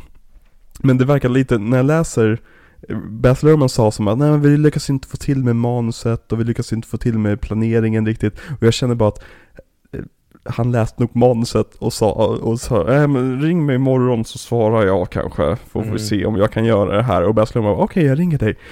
Eh, men Heath Ledger var också påtänkt, vilket jag inte alls kan se mig. Nej, han hade varit klockren i Moulin Rouge så är Mm. han lika oklockren här. Ja, för du måste ha lite grann den här vildmannen. Och där, där funkar ju Jackman så jävla bra. Mm. Man köper ju verkligen att han liksom åker, rider runt på sin häst och driver kossor hela dagarna. Ja men han är också, Hugh Jackman är att han, för han spelar i filmen eh, The Fountain, Mm. Darren Aronofskys film. Så inte sett den. Nej, grattis, Mm. good for you. Jag fick faktiskt en fråga av en polare häromdagen om jag hade sett den. Mhm. Och sjukt nog så sa jag, ja men vad du än gör, se inte den. För du behöver först lära känna Darren Aronofsky. Mm. För om du bara läser The Fountain och vad den handlar om Mm. och ser du den, då kommer du tycka att det är bland det sämsta du har sett. Men för den fick rätt mycket kritik när den kom va? Ja, och jag förstår verkligen det, för det är inte en film som andra filmer, utan Mother fick ju också mycket kritik. det är lite Mother-grejen. Mm. Att du måste typ vara med på vad Aronofsky ofta Mm. gör i sina filmer. Du kan inte bara hoppa in i en film och tro att Åh, Jennifer Lawrence, hon är känd, henne ska jag se. Och sen, vad fan är det här? Men det är kul för att jag såg ju Mother med mitt ex. Mhm. Och hon hade ju aldrig sett någon Darren Aronofsky-film tidigare, vad jag minns i alla fall. Hon älskade ju Mother, men det var för jag, jag satt ju och gav henne kontexten till att eh, du får tänka på att det här är en film som utspelar sig ovanför filmen. Mm. Du får att allting är metaforer. Alltså det det är hela tiden, det, det, det som vi ser hända händer inte. Utan det är, det är en metafor för någonting annat. Mm. Och då, blev då tyckte hon att det var jättebra för att hon var ju tvungen att sitta och tänka hela tiden. Hon blev så jävla stimulerad av filmen. Och det, det älskar jag med Mother. Ja, men jag kan också bara tänka mig att någon som är djupt kristen, Mm. som verkligen har stenkoll på Bibeln, måste ju älska Mother Ja. och bara se att shit, det här är ju Bibeln som film. Den berättar ju någonting som, det är inte det som vi läser som den berättar om, Mm. den berättar någonting annat. Det här är bara en bok fylld av metaforer. Verkligen. Men Hugh Jackman, han startade ju sin karriär med, på scenen. Genom att spela The greatest showman ever. Nej. Åh gud, jag var jag, nu, dra inte ner mitt, jag, jag känner mig glad här. Jag känner mig positiv till Hugh Jackman och så här, jag tänkte säga, han är aldrig dålig, i och för sig är han inte dålig i den filmen heller, men jag tyckte inte om den filmen alls. I slutändan, nu när jag tänker tillbaka på den. Mm. Har du sett den? Nej. Nej, gör inte det. Men han, han spelade Gaston i Beauty and the Beast på, eh, i, på, i Australien. De satte upp den på, på scen. Där har vi en missad casting opportunity i live action-varianten. Fast jag måste säga att Luke Evans är jävligt bra som Gaston också. Heter han så? Luke Evans? Ja. Ja. Tycker alla egentligen i den filmen bara känns som teatervarianter. Det, det, det känns Det kanske är för att han delar många scener med Emma Watson, så som dras det upp. Ja, det är tacksamt. Ja. Det, det, det är fan ett trick man ska göra som skådespelare. Man ska se till att vara med i filmer där dåliga skådespelare är med. Mm. För då får man själv väldigt mycket bra kritik. Då säger man alltid bara så här, jag är med i den här filmen, skit i filmen, kolla bara om du tycker jag är bra. Skulle det inte komma en, en serie på Disney Plus med Gaston? Jo. Eller hur? Mm. Vad fan hände med det? Ja, covid hände antagligen. Ja, jag vet inte om den är bara lagd på is eller Ja. om den faktiskt, den kanske det är under produktion. Ja. Nobody cares. Nej, verkligen. verkligen. Det är så här, det, det är ett nonsensprojekt. Men en annan scen så här, ja. Om ni ska Mm. göra något så gör det, fan. Ehm, men han, eh, han slog igenom för den amerikanska publiken och världspubliken genom att spela Wolverine. Och det var hans tredje film. Lite som Chris eh, Hemsworth Mm. där, att man tar någon som inte är välkänd och det tycker jag, jag älskar när man gör det. Christian Bale var ju väldigt känd för många när han Mm. gjorde Batman. Men vanligtvis när du tar en skådis som inte kanske är superkänd för folk och gör honom till den här ikoniska film, serie, whatever karaktären och det tycker jag de lyckas så jävla bra med, med framförallt Wolverine i X-Men. Mm. Han är ju den överlägset starkast lysande stjärnan. Verkligen, och det märker ju, det märks alltså första X-Men-filmen är ju fortfarande en X-Men-film så att säga. Mm. Men sen blir han väldigt snabbt huvudkaraktären i alla, för alla kommande X-Men-filmer. Vilket jag tycker är lite trist, för Wolverine funkar bäst i serietidningarna när han är lite grann av the wild card. Mm. Som sätts in när det verkligen behövs någon som faktiskt vågar hugga. För att, alltså, i, i, det är min största gripe med X-Men, vi kommer säkert prata om X-Men-filmerna i framtiden. Ja, vi måste ju prata om våra favoritpedofiler, Matthew Vaughn och Nej men sluta! Singer. Brian Singer är min favoritpedofil kanske, men inte Matthew Vaughn. Han, han, sluta! Nu gör jag mig arg igen. Jag har fortfarande sett Ronny Svensson i TV4. Ja, eh, Jag är ju riktiga dumpen. Jag, rag, jag jagar de här stora mediala ja, pedofilerna. precis. Du ger dig inte på autistiska missfoster. har, har, du, har du kollat på Dumpen någon gång? Ja, eller jag har framförallt läst om deras reportage. Alltså det är så jävla mycket lytisk komedi när de, när de konfronterar de här som riktigt så här missanpassade freaksen liksom. Mm. Ja, vi, vi ska släppa den diskussionen. Men, men vi kommer säkert prata om X-Men i framtiden. Men jag vill bara säga att mitt största problem med original X-Men-serien det är det att Cyclops kastas bort helt och hållet. För han, han är ledaren över The X-Men. Mm. Han är liksom den som bestämmer taktiken, så att säga. Han är quarterbacken. Jag tycker att X-Men-filmerna bara, bara liksom gör honom till en Baxter. Alltså den här som killen som är tillsammans med tjejen som huvudkaraktären vill ha. Mm. Ja, jag vet, jag vet att vi pratade om det i ett tidigare avsnitt, just den grejen. Mm. Och hur fint och bra det hade varit om han hade typ varit en lika likable karaktär som Logan. Och att Exakt. det hade varit en battle mellan dem Ja. för Jean Grey. Och James Marsden är ju en bra skådespelare som hade säkert kunnat göra någonting med det. Mm. Kollar du på Westworld? Nej det gör du inte. Nej, jag såg bara första säsongen, jag tror Ja. första avsnittet på säsong två. Ja, för han är ju med i Westworld. Det är ju jättebra tycker jag. Han spelar ju Teddy. fortsätter, jag minns inte vad som hände med honom. Ja. Men han är med serien igenom. Jag vill inte spoila för, för de som Ah, Okej. vill se West. För just nu, eh, säsong 4 håller ju på att rulla as we speak. Så Mm. jag tänker att det är kanske folk som precis just nu håller på att upptäcka Westworld. Så vi, vi, vi släpper huruvida han är med i framtida säsonger eller inte. Mm. Eller vad som händer med hans karaktär eller inte. Eh, men vad tycker du om Hugh Jackman i den här filmen då? Bäst. Bäst, I, bäst i filmen. bäst i filmen? Förutom eh, K-Nulla. Han eh, levererar också väldigt, väldigt bra för att vara barnskådis. Ja, eh, vi, lite spoiler för senare avsnittet men, men eh, Nalla är min, min MVP. Alltså jag tycker den ungen är så jävla karismatisk. Mm. Och bara dialogen de har gett honom med det här som halvspråket Mm. mellan engelska och liksom, eh, liksom eh, ja, aubergine-språket.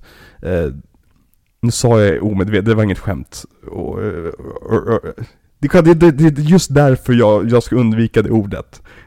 Ursprungsbefolkning i Australien-språket.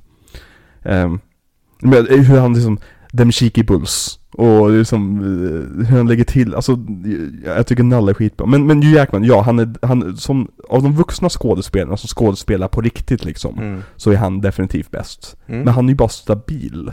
Liksom. Han är verkligen det och jag tycker det är så himla synd för att du har eh, Nicole Kidman som mm, inte levererar här. Eller Mm. det, det, är inte, det känns inte riktigt som att hon vet vilken film hon är i, vilket jag förstår för att jag vet typ inte vilken film Nej. någon är i. Men det känns som att Hugh Jackman, han bara, jag lägger mig på den här nivån Mm. och då kommer jag inte sticka ut åt någon riktning utan jag är ganska rak. Exakt. Medan Nicole Kidman, hon är lite överallt hela tiden och vet inte riktigt vilken film hon befinner sig i. För jag kan inte riktigt heller sätta finger på vilken film det här är. Mm. Men det enda jag kan säga är att det här känns som en typ en 90-tals Disney-film Mm. som man typ kunde se på Disney Channel. Alltså som så här, okej den hade varit nice om det var en- 1.40 Mm. men håller på i nästan tre timmar. Den här filmen är alldeles för lång. Alltså bisarrt mycket för lång. Mm. Vilket kanske är parodiskt eftersom vi sa att en miniserie på sex timmar kanske skulle funka. Men det är just det att då är det också miniserie. Det funkar på ett annat sätt. Mm. Den här filmen har inget behov av att vara tre timmar lång. Inte för fem jävla öre och Nej. jag nästan misstänker att han, hade, han skulle göra en miniserie av det här. Mm. Om, säg att den hade legat fyra år senare, Ja. för då har ändå liksom tv-serierna kommit igång på riktigt. När Ja. fått, True Detective har precis kommit och så precis, vidare. då, då hade jag kunnat förstå det. Men säg då att nu att han plane- planerar att göra en miniserie av det här och pitchar den för Hugh Jackman och så har han inte sagt när de är färdiga att det är en serie. Och så säger Hugh Jackman, fan vad roligt att göra den här filmen. Och då säger Baz Luhrmann, just det, filmen ja. Mm. Jag glömde nämna att det var en tv-serie vi skulle göra här. Och så säger han, det är en tv-serie? Mm. Nej men då är jag inte med, jag gör inte tv. Då gör vi en film, jag, Mm. jag kollar. Jag, jag kollar om vi kan lösa det här. Han går till nästa skådis. Samma sak så här. ledsen. Alltså Fox, vi måste göra en film för ingen är med på tv-formatet tyvärr. Gör så här, om typ 14 år, Mm. så här, kanske vid ett 15-årsjubileum, då kan vi släppa den som miniserie. Mm. Så jag filmar det som att det ska vara det. Men vi gör det som en film nu. Skulle Okej. inte förvåna mig, han, han är galen i huvudet den här mannen. Jag älskar Baz Luhrmann på grund av det. Det är verkligen så här, ingen annan person gör, alltså att jämföra den här med Moulin Rouge, är verkligen så här en, en, en, Moulin Rouge en exercis i kontroll. Mm. I kontroll som är galen visserligen, men en kontroll. Och den här, det är en exercis i, i utsvängning, vilket Moulin Rouge borde ha varit. När man tänker på projektet, så borde ju Moulin Rouge varit mycket mer flamboyant så att säga. Alltså mycket mer som indulging. Men det här var det projektet som fick den biten. Och jag fattar inte, jag, jag, jag förstår inte på den här mannens hjärna. Nej men det är som att den, den här filmen är Moulin Rouge vänd 180 grader. Ja. Att Moulin Rouge är galen, men vi känner verkligen kontrollen. Mm. Den här filmen är inte galen, den är motsatsen, den är tråkig. Mm. Men den har ingen kontroll överhuvudtaget. Exakt.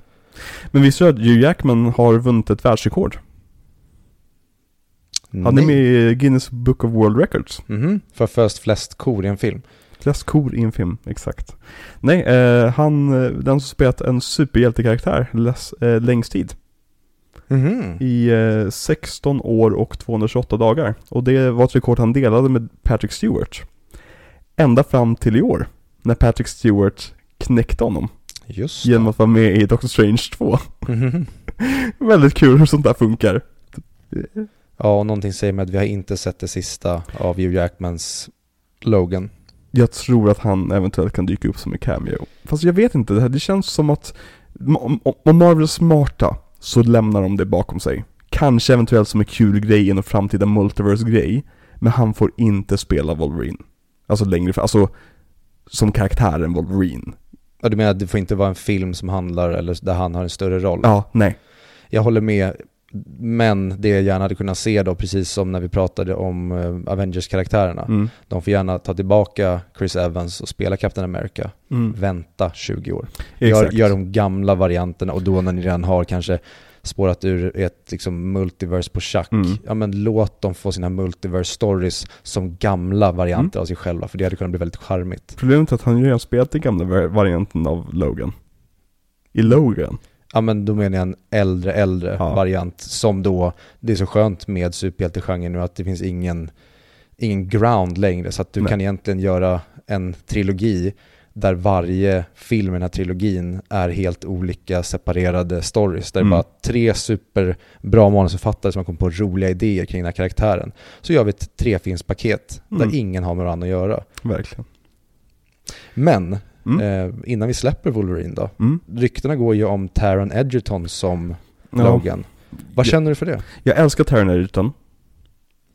Jag tycker, jag tror att säkert han skulle kunna göra det bra. Men jag kan inte se det. Mhm. Alltså jag, jag, jag har, ah, jag har läst för många serier med Wolverine tror jag. Alltså Wolverine är en av de mest vanligast, vanligaste återkommande karaktärerna och han är, han, och han är så svår att göra live, action. Att jag kan inte se riktigt någon skådespelare göra honom. Jag tror, du måste hitta den här, det här wildcardet ute på kanadensiska eh, landsbygden typ. För att ta, ta. Men, men eh, fine, gör det. Alltså, för, alltså det funkar, men jag ser det inte. Nej okej, för att jag tycker ju... Det är en bättre idé än Daniel Radcliffe i alla fall. V- vänta, va? Ja men folk, kolla, folk är lite dumma i huvudet på internet. Daniel Radcliffe är kort. Och Wolverine är kort. Så då skulle Daniel Radcliffe spela Wolverine. Okej. Alright. Wolverine i serietidningar är ju en kort person. Alltså väldigt kort. Då tycker jag ju Taron passar ännu bättre. Ja men precis. Han känns väldigt värdig. Ja. Men jag är inget jättefan av honom som skådis. Mhm. Men jag kan verkligen se med honom som en Wolverine och framförallt i, om de använder comic booksen-dräkten. Mm. Jag tror han hade kunnat vara skitcool. Och framförallt med det här, jag kan se honom typ med en cigarr i käften och vara uppkäftig och dryg och lite så här den coola cowboyen i bakgrunden. Ja men det, det, alltså, jag ser honom lite för mycket för, som en pretty boy. Men Mhm. han, han, han kan säkert leverera. Alltså så, jag, jag, är inte, jag är inte emot den idén. Det är bara det att jag kan inte visual- visualisera det liksom. Mm. Nej men det, jag hoppas verkligen att de gör något intressant. Nu, nu har ju titeln har ju läckt på vad första X-Men-filmen kommer heta. Mhm. Den kommer heta The Mutants. Men- jag, de, de ska göra en reboot nu? ja men precis, de äger ju, Marvel, MCU äger ju. Aha, Eh, Marvel Studios, eh, i och med att de köpte Fox. Så de kommer ju lägga ner allt, allt det gamla med X-Men. Och eh, få in dem i, inte, inte få in dem utan göra dem i MCU. I till exempel, spoiler alert, men i, senaste avsnitt, i sista avsnittet av, av eh, Miss Marvel.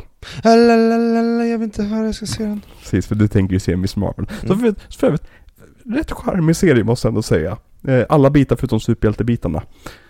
Vilket jag en sak jag aldrig trodde jag skulle säga. Men eh, i, i sista avsnittet av Miss Marvel så avslöjas sig att Kamala Khan är en mutant. Och det är första gången de nämner mutanter i MCU. Så de är det på gång liksom. Mm. Ja men eh, kul. Alltså Mm. jag, nu ja, har vi pratat om det i en miniserie innan. Mm. Men det kittlar ju mer i pungen på mig när de pratar, när jag hör om en ny X-Men Mm.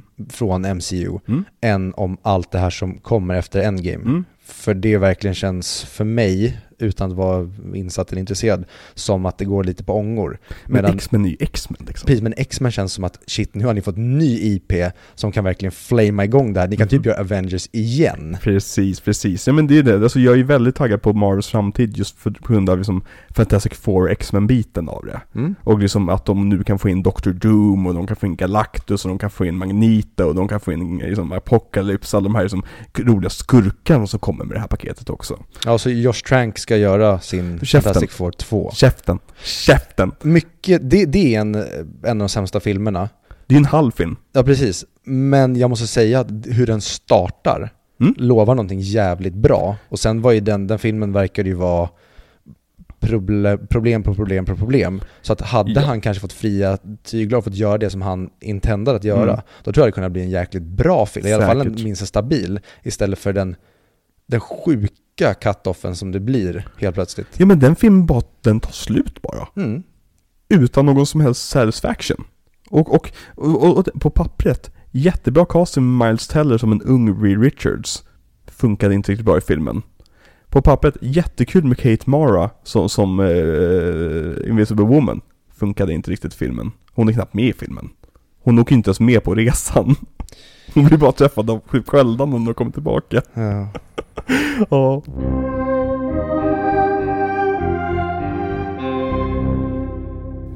Men Hugh Jackman, Mm.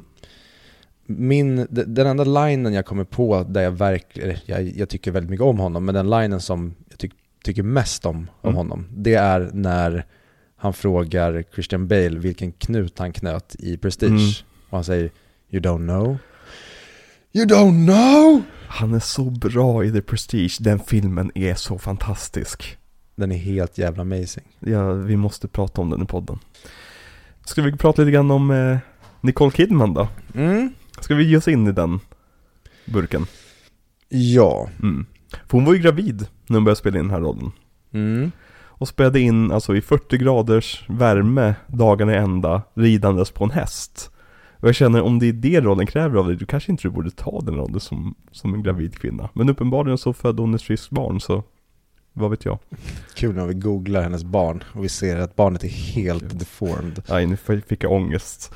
Ja, Mommy, I love him, I love horseback riding. Ja men det var för att mamma inte red på häst när hon var gravid med det. En kul grej med, med eh, Nicole Kidman, i marknadsföringen av den här filmen så bjöds hon in till en slags tysk talkshow liksom.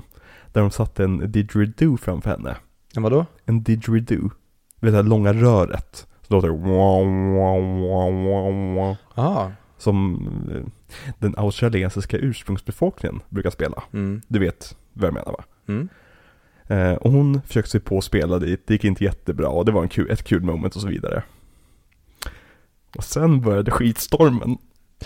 Sk- Hände skitstormen då, eller har det kommit Nej. nu? Då. Ja okej. Varför tror du att skitstormen hän- hände? Jag vet inte, kulturell appropriering eller någonting? Man skulle kunna tro det. Men nej. Nähä? Det är för att enligt den eh, australiensiska ursprungsbefolkningen så får inte kvinnor spela didgeridoos. Oh, vilken clash! Syntax error. Verkligen, Mhm. Jag tyckte det var lite roligt. verkligen. Mm.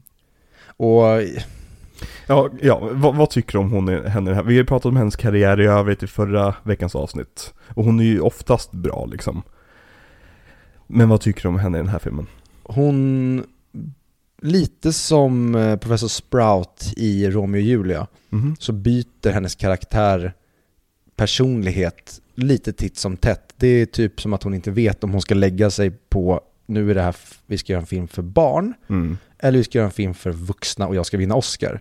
Det är som att hon pendlar hela tiden, för bara i början när hon då, det är någon helikopterbild och hon går på uppfarten, tänkte säga, gången mot huset Mm. på ranchen. Mm. Hennes gångstil bara får mig att tänka att det här är ju typ en parodi på någon Huckleberry Finn-grej. För att det ser ut som att hon inte tar det här på allvar överhuvudtaget. Och samma sak när de skjuter kängurun och de bråkar i bilen Mm. och pratar om att ligga. Ja, när hon misstolkar allting om Precis. Och sen ska hon bli någon allvarlig hjältinna och sen gör man ett åtlöje och sen ska hon bli cool igen. hon, hon är all over the place. Jag tyckte inte, alltså det här kan, hon kan vara en av de mest irriterande karaktärerna vi har sett i podden. Vill Håller med. Alltså det är, jag, jag, jag hatar den här karaktären. Alltså, för att hon, hon är liksom den här, den här vita kvinnan. Som kommer till en värld där hon inte förstår någonting alls. Hon föraktar alla. Och så försöker hon tämja det till sin egen vilja. Mm. Och hon vägrar liksom låta folk vara de de är. Ja. Och bara det här med Hugh Jackmans karaktär Drover Hur hon liksom så här försöker lura in honom i någon slags förhållande som han uppenbarligen inte vill vara Eller han, han vill vara med henne men han vill inte jobba för henne. Han Nej. säger klart och tydligt genom hela jävla filmen att Jag är min egen man. Jag tycker om det här livet som jag har med att eh, droving. Och hennes eh, svar på det är typ så här Ja ja, det löser sig. Kom Mm. nu. Vi, nu, ska, nu ska jag göra om dig. Liksom, Bara det liksom när Drover ska åka iväg på sin, sin stora armé, Drove då, efter första slutet i filmen Så hotar hon med att om han åker iväg så är inte han välkommen tillbaka Och han säger liksom Okej, då får det vara så, för det här är viktigt för mig Och då, direkt så bara ser man hur hon ångrar sig Mm. För att det är inte, hon menade inte det, det var känslomässig manipulation Ja. och det ska vara vår hjältinna i den här filmen. Och jag tycker bara det, det, det är en sån vidrig karaktär. Och det påminner mig om så många som, tjejer man har träffat, och, och killar också för den delen. Inte för att jag träffar många killar, men du förstår vad jag menar. Som att, som, eh, vidriga människor som bara är som så här, försöker manipulera sig fram genom allt och alla relationer de har. Mm. Och inte kan liksom vara en ärlig och riktig människa. Liksom, Alltså filmen, bo, filmen handlar ju om hur en person ska försöka kastrera våran hjälte. Och i slutändan lyckas med det. För det känns inte som att... Jag får aldrig det här ögonblicket av att gud vad han förstår att det är det här han borde göra istället. Den här Mm. underbara, charmiga kvinnan. Och han kommer kunna settle down och kanske lämna sitt ungkarlsliv Mm. bakom dig och bli en ansvarstagande pappa till Nolla och gud, de kommer leva lyckliga alla sina dagar. Utan det känns, som du säger, han blir eh, känslomässigt terroriserad av henne genom hela filmen. Så Mm. att i slutet är det nästan som att, och, okej då. och Nalla också. Ja, Och det är verkligen så att hon, alltså, hon respekterar ju inte ha- hans vilja heller. nej. För fem öre, hon, hon vill ju samma sak som missionärerna vill. Ja men som bara walkabouten. Ja. När hon bara, in, det kommer inte på fråga. Och Drover bara, men hallå, Det är hans kultur. precis, du, må, du kan inte komma från din jävla fancy pansy town, komma hit och sen ska du bara tala om för oss att dina saker är mycket smartare än våra saker och att så här får inte barn göra för mig. Och, och så vill filmen få oss att liksom tycka att det är sympatiskt på något Ja. sätt. Verkligen, för att om nu Bass hade velat göra en film om kolonisatörer, Mm. Då hade ju han kunnat göra en klockren film att hon är kolonisatören. Som Exakt. kommer dit och börjar bråka med alla som vill leva det var sitt det liv. jag trodde den här gången när jag säger, aha det är det du försöker göra, men så, nej, nej, du, du försöker skapa en sympatisk karaktär här. Mm.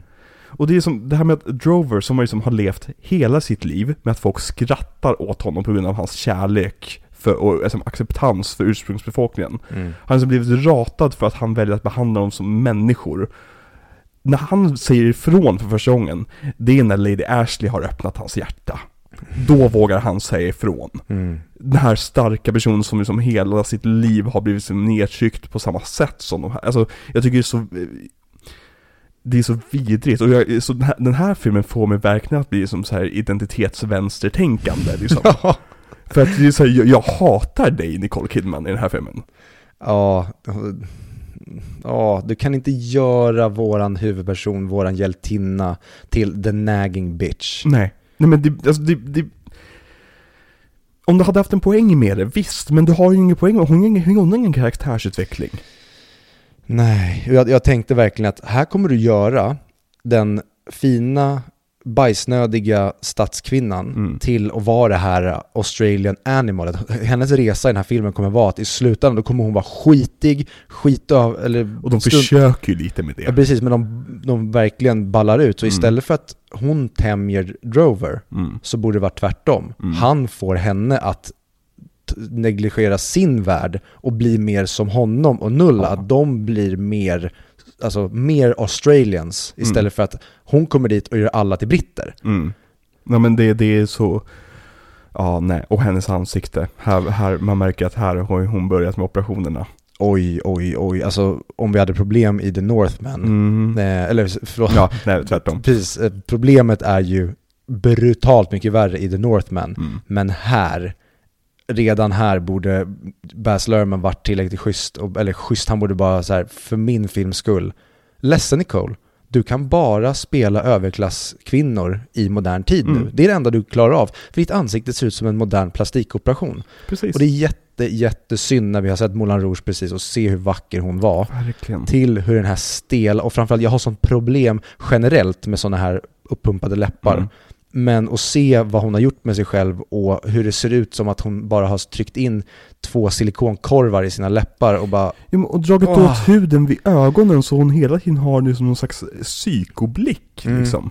Jag- Jag tycker eh, hon, hon har ett obehagligt ansikte att kolla på den här filmen. Ja, fan, jag blir så ledsen framförallt när det är, jag kan förstå nu ska vi bli så här, prata om tjejer som vi inte kan någonting eller förstår någonting alls om, men Ja. jag kan förstå eh, tjejer som inte är hyllade som de bästa, vackraste skådisarna i världen, Mm. som kanske gör det här för att höja sitt självförtroende, tror att det ska lösa men problemen precis. inom en själv.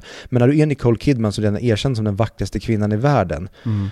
att hon ändå går och försöker rädda sig själv genom att förstöra sig själv, om det är i alla fall så jag ser det, att jag, jag blir så jävla ledsen att, vi, låt det vara! Åldras med värdighet. Ja, och det, jag, jag, jag har hittills i mitt liv, och då får jag alltid svaret från tjejer som säger så här, men det är för att det inte syns. Mm. Jag har aldrig sett någon som ser vackrare ut opererad Mm. än oopererad.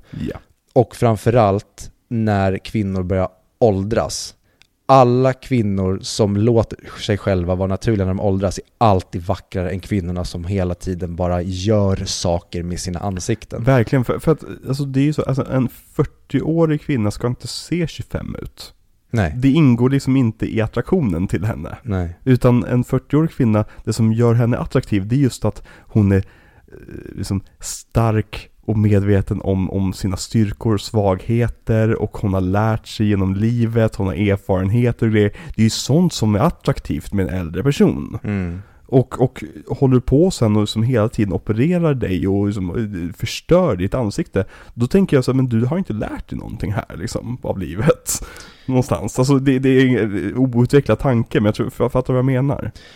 Det känns lite som att de försöker jaga ungdomen istället Ja. för att acceptera att men all den här tiden som jag har haft på jorden, den har ju gjort mig till den här personen massa erfarenhet. Mm. Och hur jag ser ut idag, det är ju en del av det. Istället är det som att, nej men jag tyckte väldigt mycket om livet när det var så där, och hur Mm. snygg jag var där och då. Och jag kan förstå det då, om, ja, men om du inte har fyllt ditt liv med saker som har gett dig erfarenhet, och du känner dig fortfarande som 25, Mm. när du är 45, ja men fine, då vill du väl bara tillbaka dit, för du Mm. känner inte att livet har kommit med någonting annat.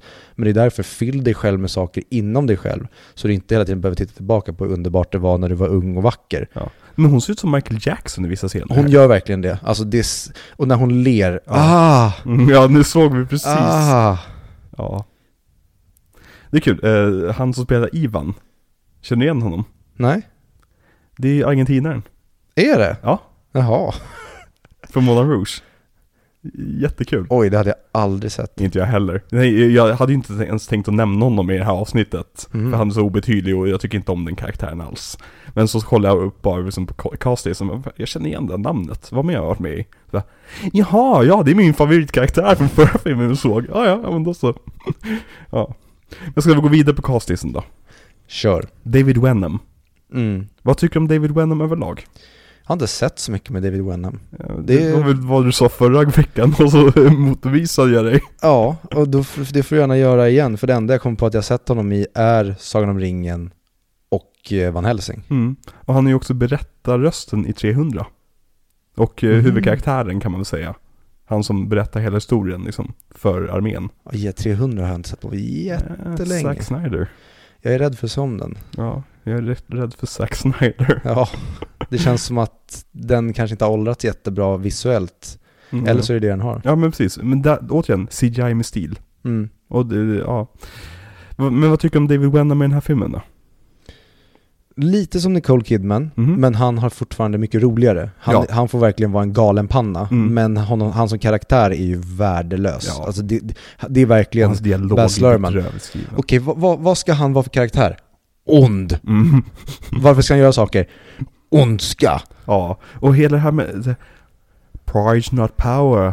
Ja, herregud, jag tänkte Right. när den kommer tillbaka, men Bass, tror du på riktigt att det här är någonting bra? Nej men det, det, det, det är inte så att det kommer tillbaka, det är det att han uppfinner att det är hans, hans eh, catchphrase Ja. typ en timme in i filmen och sen drar han den en gång till en och en halv timme in i filmen och sen aldrig mer igen. Mm. Det är så här, men vänta, det är inte ens the rule of three här, utan det är liksom the rule of two på något sätt. Och du, jag, jag vet inte. Men det känns som att han säger det typ åtta gånger i filmen. Jaha, jag vet inte säkert. Ja. Det är som Men- att han sitter då och då i hörnet och bara Pride's not power.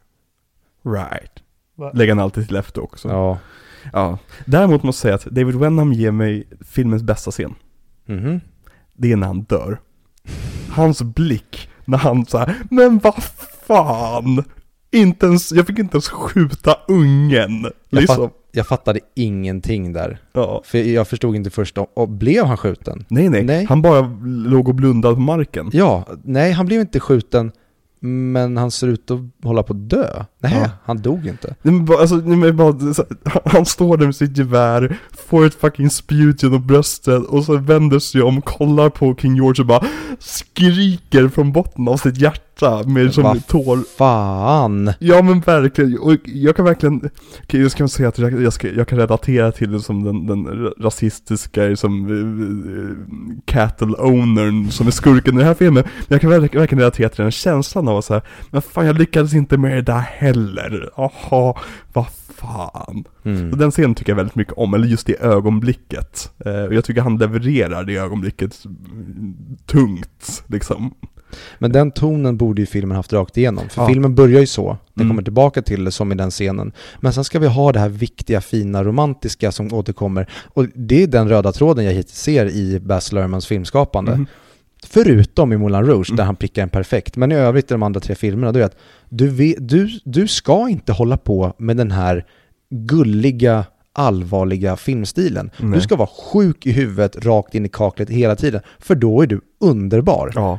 Nej, men det, det, det är som att man har en kompis som är typ den roligaste personen på planeten. Men så har han fått för sig att han ibland ska liksom sätta sig ner och, ha liksom allvarliga snack med dig. Man säger, men det är inte därför du är min vän liksom. Kanske dålig jämförelse, men alltså det... Ja, men jag, jag hade en polare som var, han, han kunde aldrig bli tagen på allvar för att han var verkligen kiss och bajshumor och var bara apan och clownen. Men sen helt plötsligt, när han kände för det, då var det så här, nej men nu vill jag bli tagen på allvar. Och alla andra var så här, men dude, du kan inte vara den här apan som hela tiden bara flamsar och beter dig nästan som ett retard Mm. för att sen kräva att vi ska respektera dig. Nej. Du kan inte ha båda och det är precis så jag känner med Baz Luhrmann. Mm.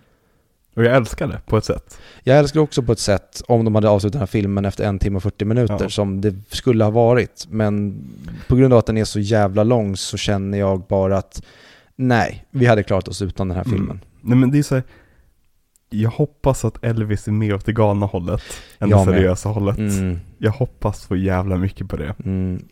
Men Mm. det är många delar i den här. Framförallt i, ta på den här eh, balen. Mm. Där, där börjar jag se Gatsby-grejerna. Mhm. Och jag vet nu efter Australia varför jag inte gillar Great Gatsby. Mm. Eller jag minns ja ah, just det. Det är de här delarna från Australia som du har plockat med dig till nästa. Mm. Men i den här får vi i alla fall en praktisk bal. Mm.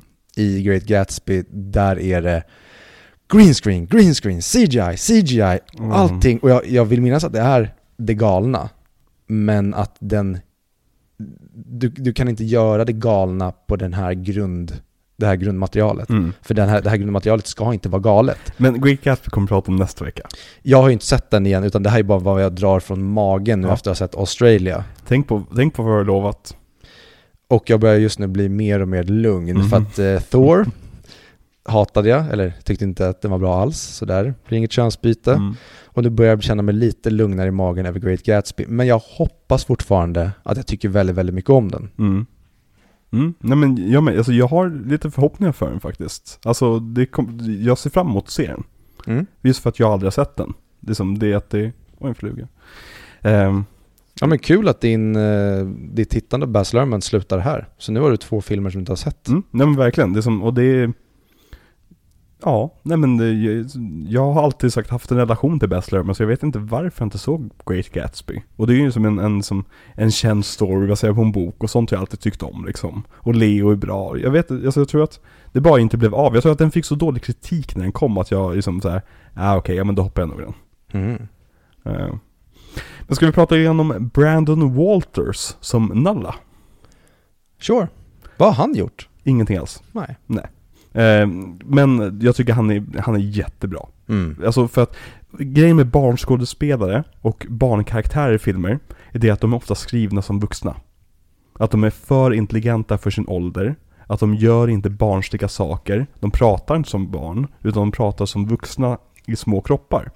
Men jag tycker att Nalla är så jävla bra för att han, han får verkligen vara ett barn. Vill du veta en kul grej? Ja, ja. Stuart Beatty som har varit med och skrivit manuset till den här Mhm. Har även varit med och skrivit Obi-Wan Kenobi-serien. Ja, men det kan jag se. Kan du? Ja, För där tycker jag att de går på precis den minan som de inte går på med Nalla. ja ja, def, definitivt. Det kan jag tänka mig. Alltså, men, men den här filmen har också fyra manusförfattare. Så Mm. det är liksom så här, han kanske inte skrev Nallas dialog. Jag hoppas att han bara skrev barndelarna och gick från att få det perfekt till att göra bort sig helt och hållet. Exakt, exakt. Nej, jag ska inte vara så arg. Men vad tycker du om Nalla? Fantastisk, Mm. alltså verkligen. Och Baz Luhrmann sa det i intervjuer när de pratade om just Nalla, för det var många återkom till hans prestation. Mm. Och en av eh, journalisterna sa det att eh, hur, hur kände du inför att hitta ett barn som inte irriterade publiken? Mm. Och då sa Baz det att exakt det ordet, irriterar, var det som vi var ute efter när vi, vi hade verkligen det högt upp på listan. Att viktigt med barnet, det får inte irritera publiken. Mm. För det är ett problem ofta med barnskådespelare. Verkligen. Man kan hitta en Som i superduktig... Love and Thunder. Jag minns typ inte det barnet. Jag minns bara att, nej, där är jag klar med Thor. För jag vill inte se Thor åka runt och spöa folk med ett barn som jag Nej, jag inte... tänkte det är typ 20 barn med i filmen. De som kidnappas av Gore. Jaha, jag, jag tyckte det var varken eller. Okej. Men ja, jag hade Ja. glömt bort dem nu när du sa det. Ja. Vilket jag också tyckte var ett så jäkla tråkigt och platt stick att använda det här med att han, han var där men han var inte där fysiskt så han kunde vara där och trösta dem och skapa relation till dem. Dra lite skämt och så. Precis. Mm. Ja.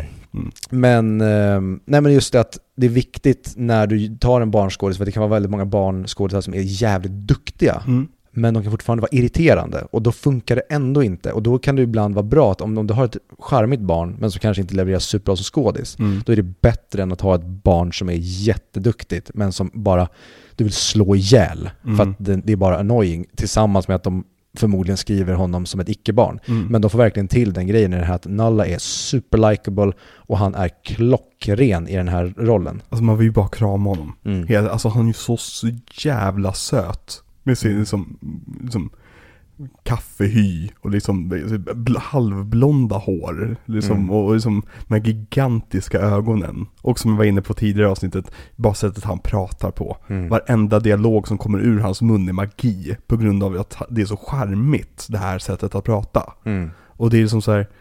Jag satt och tänkte på så här, om man skulle göra det här om, om, om så här, Rinkeby-svenska. Om man skulle prata Rinkeby-svenska. Mm. alltså skulle det vara lika charmigt för en person som typ inte kom från Sverige? Förstår du vad jag menar? För det är ju typ det det, det det är. Han pratar ju som bara dålig engelska, så att säga. Ja, kanske. Någon kanske skulle claima att det är varför typ eh, Snabba Cash och sådana Ja. filmer som har blivit internationellt populära. Mm. Varför det har blivit så? Det är för att det är mycket mer behagligt att lyssna på än Hej Karl, ska du komma ner och äta din frukost nu med din mor och far? Mm. Nej men alltså jag, jag, så, jag har inget negativt att säga om alla i den här filmen. Inte alls. Alltså han är verkligen, och jag, jag tycker att det här är en 90-tals Disney-film. Mm. Och han är verkligen 90-tals Disney-film barnskådis. Alltså Mm. han är perfekt castad Ja. för en, han, han kunde ha med i vad fan som helst som vi såg på 90-talet. Jag tänker direkt på Huckleberry Finn eller Oliver Twist eller någon film som kom runt den tiden. Mm. Och hela det här med att han liksom tänk, tänker att ja, men jag ska bli trollkarl när jag blir stor. Mm. Jag, jag ska bli en Gollapa. Och här är han som, I made myself self invisible. När han smyger runt henne. Mm. Liksom och så vidare. Men du ville komma till en scen. Men där Nalla, Där eh, vi helt plötsligt förstår att just det, det här var Australian Superpower Movie. mhm, Där eh, Nalla stoppar hela horden av kossor. mm, Vilket jag tyckte inte funkade alls. Och det är typ där... Nej okej, det är, li- det är sen, kvällen innan när, när de slår läger inför den stora actiondelen. mm, Där tappar filmen mig. För Mhm. där tycker jag att den byter ton och genre och blir ganska stillastående och tråkig. Och Mm. sen hela den grejen när de rider där, det är inte snyggt tyvärr. mm. Det, det kanske var skitsnyggt där och då. Men det ser för jävligt ut. Mm. Och jag tycker inte alls... Eller idén om att han stoppar horden med att bara stirra på dem och Mm. använder sin magi, Mm. det är jättebra. Utförandet är inte bra. Ja, men det kan jag hålla med om. För att jag tycker som att det, det, det, de gör ju en ordentlig setup för det. Mm. Att det ska hända. Eh, jag så, så tänkte dock först, jag mindes inte den scenen alls. Jag tänkte att det skulle vara Nicole Kidman som skulle göra det. Tack för att vi slapp det då. Ja, för att hon, hon hade ju inte kunnat göra någonting med de ögonen. Hon hade ju sett ut som vilken annan scen som helst liksom. Ja, Hon är ju samtidigt, efter sin operation så är hon ju född att göra den scenen. Ja, jo förvisso. Så synd Bass att du missade det Ja. ögonblicket. Mm. Nej men det, det är verkligen, eh, inget ont att säga, men inte så jättemycket, alltså det är inte en jätteintressant karaktär riktigt. Nej. Alltså utöver liksom att det är rätt spännande. Jag tycker den biten av filmen är den mest spänn, minst intressanta biten. Just det här med uh, creamies, eller half-cast, eller fan, de använder ma- massvis, massvis olika, att han, han, han är inte en del av the white fella, och han är inte en black fella. Nej. Att liksom han är verkligen en, en person som ingen vill ha egentligen. Alltså ingen, inget society vill ha. Ehm, och det tycker jag är en väldigt spännande bit. De borde fokuserat mer på det snarare än kärlekshistorien. Verkligen. Det är också en del till varför den här filmen inte funkar. Den, den känns helt felfokuserad. Och nu ser vi på filmen en av de fulaste shotsen i hela filmen Mm. när Nicole Kidman och Hugh Jackman går ner till stranden efter de har dansat och det är blixtar ut och vi ser den här långa piren gå. Och vi köper inte att de befinner sig där för fem jävla öre. Det är bara en green screen. Du menar som att det är helt vindstilla i deras hår när det är en storm som kommer runt hörnet? Tillbaka till TV. Alltså i TV kan jag acceptera Ja. sådana grejer, men i stor film, i en sån här stor episk Mm. film då som har fötts av massa andra episka filmer Ja. misstänker jag, då måste du få till vind och sådana saker. Och här tar den andra regissören över och sätter dem i ett riktigt sätt. Helt Mm. plötsligt. Det, det, det är som, och, ja, och nu blir det jättefult igen. Med dålig belysning. Och man ser typ hur, och nu blir det jättebra igen. Ja, det, är- det är verkligen så. Alltså många gånger i den här filmen så är det åt ena hållet gorgeous, vänder på kameran, vad fan är det här? Ja. Och det gör mig tyvärr väldigt eh, ledsen för att det hade kunnat bli, så fort allting är praktiskt och på riktigt så Mm. är den här filmen gorgeous. Ja. Och sen precis lika ful är den Ja, när du vänder på Alltså, den. naturfotot den här är otroligt. Mm. Man vill bara åka till Australien, tänker jag. Mm. Åka på helikopterfärd genom au- australienska liksom, landsbygden hade Ja. varit otroligt. Ja, det är ju magiskt när det är magiskt och eh, riktigt muggläskt Mm. när det är för jävligt. Och tillbaka till det här med att du inte får med vinden i deras ansikten Mm. när det uppenbarligen blåser nere vid en strand. Lite i alla fall. Mm. Den grejen sen när, eh, vad hette han, King Richard? Nej, vad hette han? King Carney. Nej, eh, morfarn. King George. Ja, King George. Eh, när han sen, när det sprängs runt omkring honom. Mm. En explosion får stenar flyga förbi hans huvud. Mm. Hans hår är helt still. Ja. Och sådana där grejer kan jag bli galen på. Mm. Ja men verkligen, för det känns verkligen som att det CGI är inte lösning på dålig planering. Nej. CGI kräver enorm planering. Det är mer planering än med praktiska effekter. Mm. För med praktiska effekterna så kan du, kan det hända saker i rummet. Men med CGI, då kommer ingenting hända i rummet. Så du måste planera allting in i minsta detalj. Mm. Och det är verkligen, det känns som att folk förstår inte det. Och jag fattar inte hur vi outbildade idioter kan sitta och ha liksom en mer stabil tolkning på vad, hur man ska använda CGI. Bara, alltså det är liksom, jag, jag, jag, jag blir ledsen i själen av hur, hur, lat, hur lata folk har blivit med CGI. Och liksom ä- ända sedan det började. Mm. Det är trist. Mm. Du och jag kanske ska bli, börja jobba som skriptor eller någon kanske så här CGI-film. Konsulter. Ja men precis, att Mm. här har vi verkligen, har ni alla de här grejerna nedskrivna i de här scenerna? Mm. Vi får läsa manuset eller scener, okej här händer det mycket. Har ni koll på liksom de basala grejerna? Ni Mm. måste ha rätt mängd ljus i ansiktena, ni måste ha rätt vind, ni måste verkligen se, få det som, och verka som i en Marvel-film, att skjuter någon en grön explosion, Mm. då måste det lysa utav bara helvete med grönt i ansiktet på Exakt. den andra personen. Det måste Och du får blåsa. inte skapa det ljuset i efterhand. Nej. Du måste skapa det på plats för Mm. att vi, ögat reagerar på det på en gång. Och det, det, och det är svårt att sätta fingret på mycket av det också. Mm. Men, men det är ju verkligen det här det förberedande arbetet som saknas hela tiden. I Mm. varje jävla film. Och här har vi CGI-shot som är 100% CGI, men här funkar det för att det är 100% CGI. Ja, det är väldigt kul. Det här är shotten de, zoom, vad heter det? de zoomar ut från eh, Darwin Mm. när det regnar. När Nicole Kidman och Hugh Jackman har sex. Mm. Och det är kul att de hoppar en bit i shotet varje gång det blixtar. Ja, Blixtrar. blixtrar. Eh, och här är ju filmen slut. Exakt. För nu Det har var- vi fått jag, varandra. Jag trodde verkligen att filmen skulle ta slut här och sen så kom jag ihåg att just det, det är en he- hel film kvar ja. Mm. Okej, eh, sure. Alltså om filmen slutar här, Mm. då hade jag varit ganska nöjd. Det, här, det är en stabil 3 av 5 pretty Ja. much. Det, det är ingen film jag någonsin kommer att se om för jag tycker den är ganska tråkig. Och de vinkar mot kameran. Ja, Vilket hade funkat i ett slut. det här är verk, alltså det här är som att han har sett Return of the King Mm.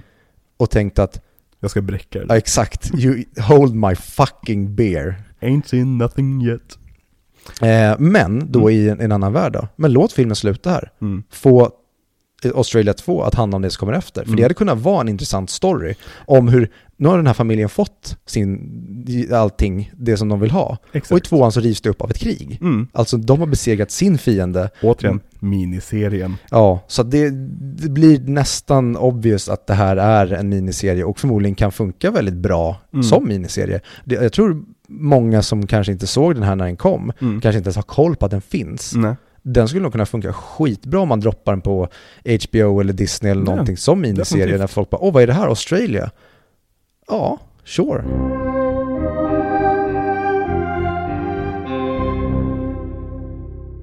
David, eh, förlåt allihopa, Gulpilil som King George då? Nej. Du tycker inte? Han funkar som en dokumentär karaktär. Men han funkar inte i den här filmen för att han skådespelar inte. Det är nästan som att Bass har kastat honom och så när han så här, okej och så skådespelar du här för du är ju en skådespelare nu. Du är ju inte den här auberginen som de som du egentligen är utan nu ska du vara en karaktär. Så du, du är ju typ dig själv men nu ska du spela lite mer så du måste ha lite mer känsla och lite mer, tänk dig att allting ska vara mycket viktigare kanske. Mm. Men han är bara, jaha. Mm. Och så står han och bara är sig, han- han är sig själv och jag, jag tycker att han, han funkar men jag tycker inte att han känns som en skådespelare överhuvudtaget. Det känns som att de har tagit en random urbefolkningsman och bara Mm. kan du vara med här? Stå där, gör det här och sen har de tagit hundra tagningar för att få det rätt. Ja, men jag, jag håller med lite grann. Jag, jag tycker han funkar jättebra som en silhuett uppe, uppe på berget. Liksom så att säga. Alltså som, som en del av, av, av, av eh, kulisserna. Mm. Så att säga. Men, eh, ja nej, alltså han gör ju inte jättemycket i filmen. Nej. Men däremot så, jag gillar verkligen det här med eh, sången. Och, och den här som att han liksom chantar hela tiden. Jag tycker Mm. det ger bra, en bra kuliss, återigen. Mm. Ja, men han, jag tycker han funkar som dekoration men inte som karaktär. Ja. Vi objektif- objektifieras fjärde personer här. Mm. Mm. Sen så har vi eh, Jack Th- Thompson som Kipling Flynn. Kipling Flynn. Nu, nu är jag precis som honom och inte kan uttala hans eget namn. Mm. Ja. Vad tycker du om honom?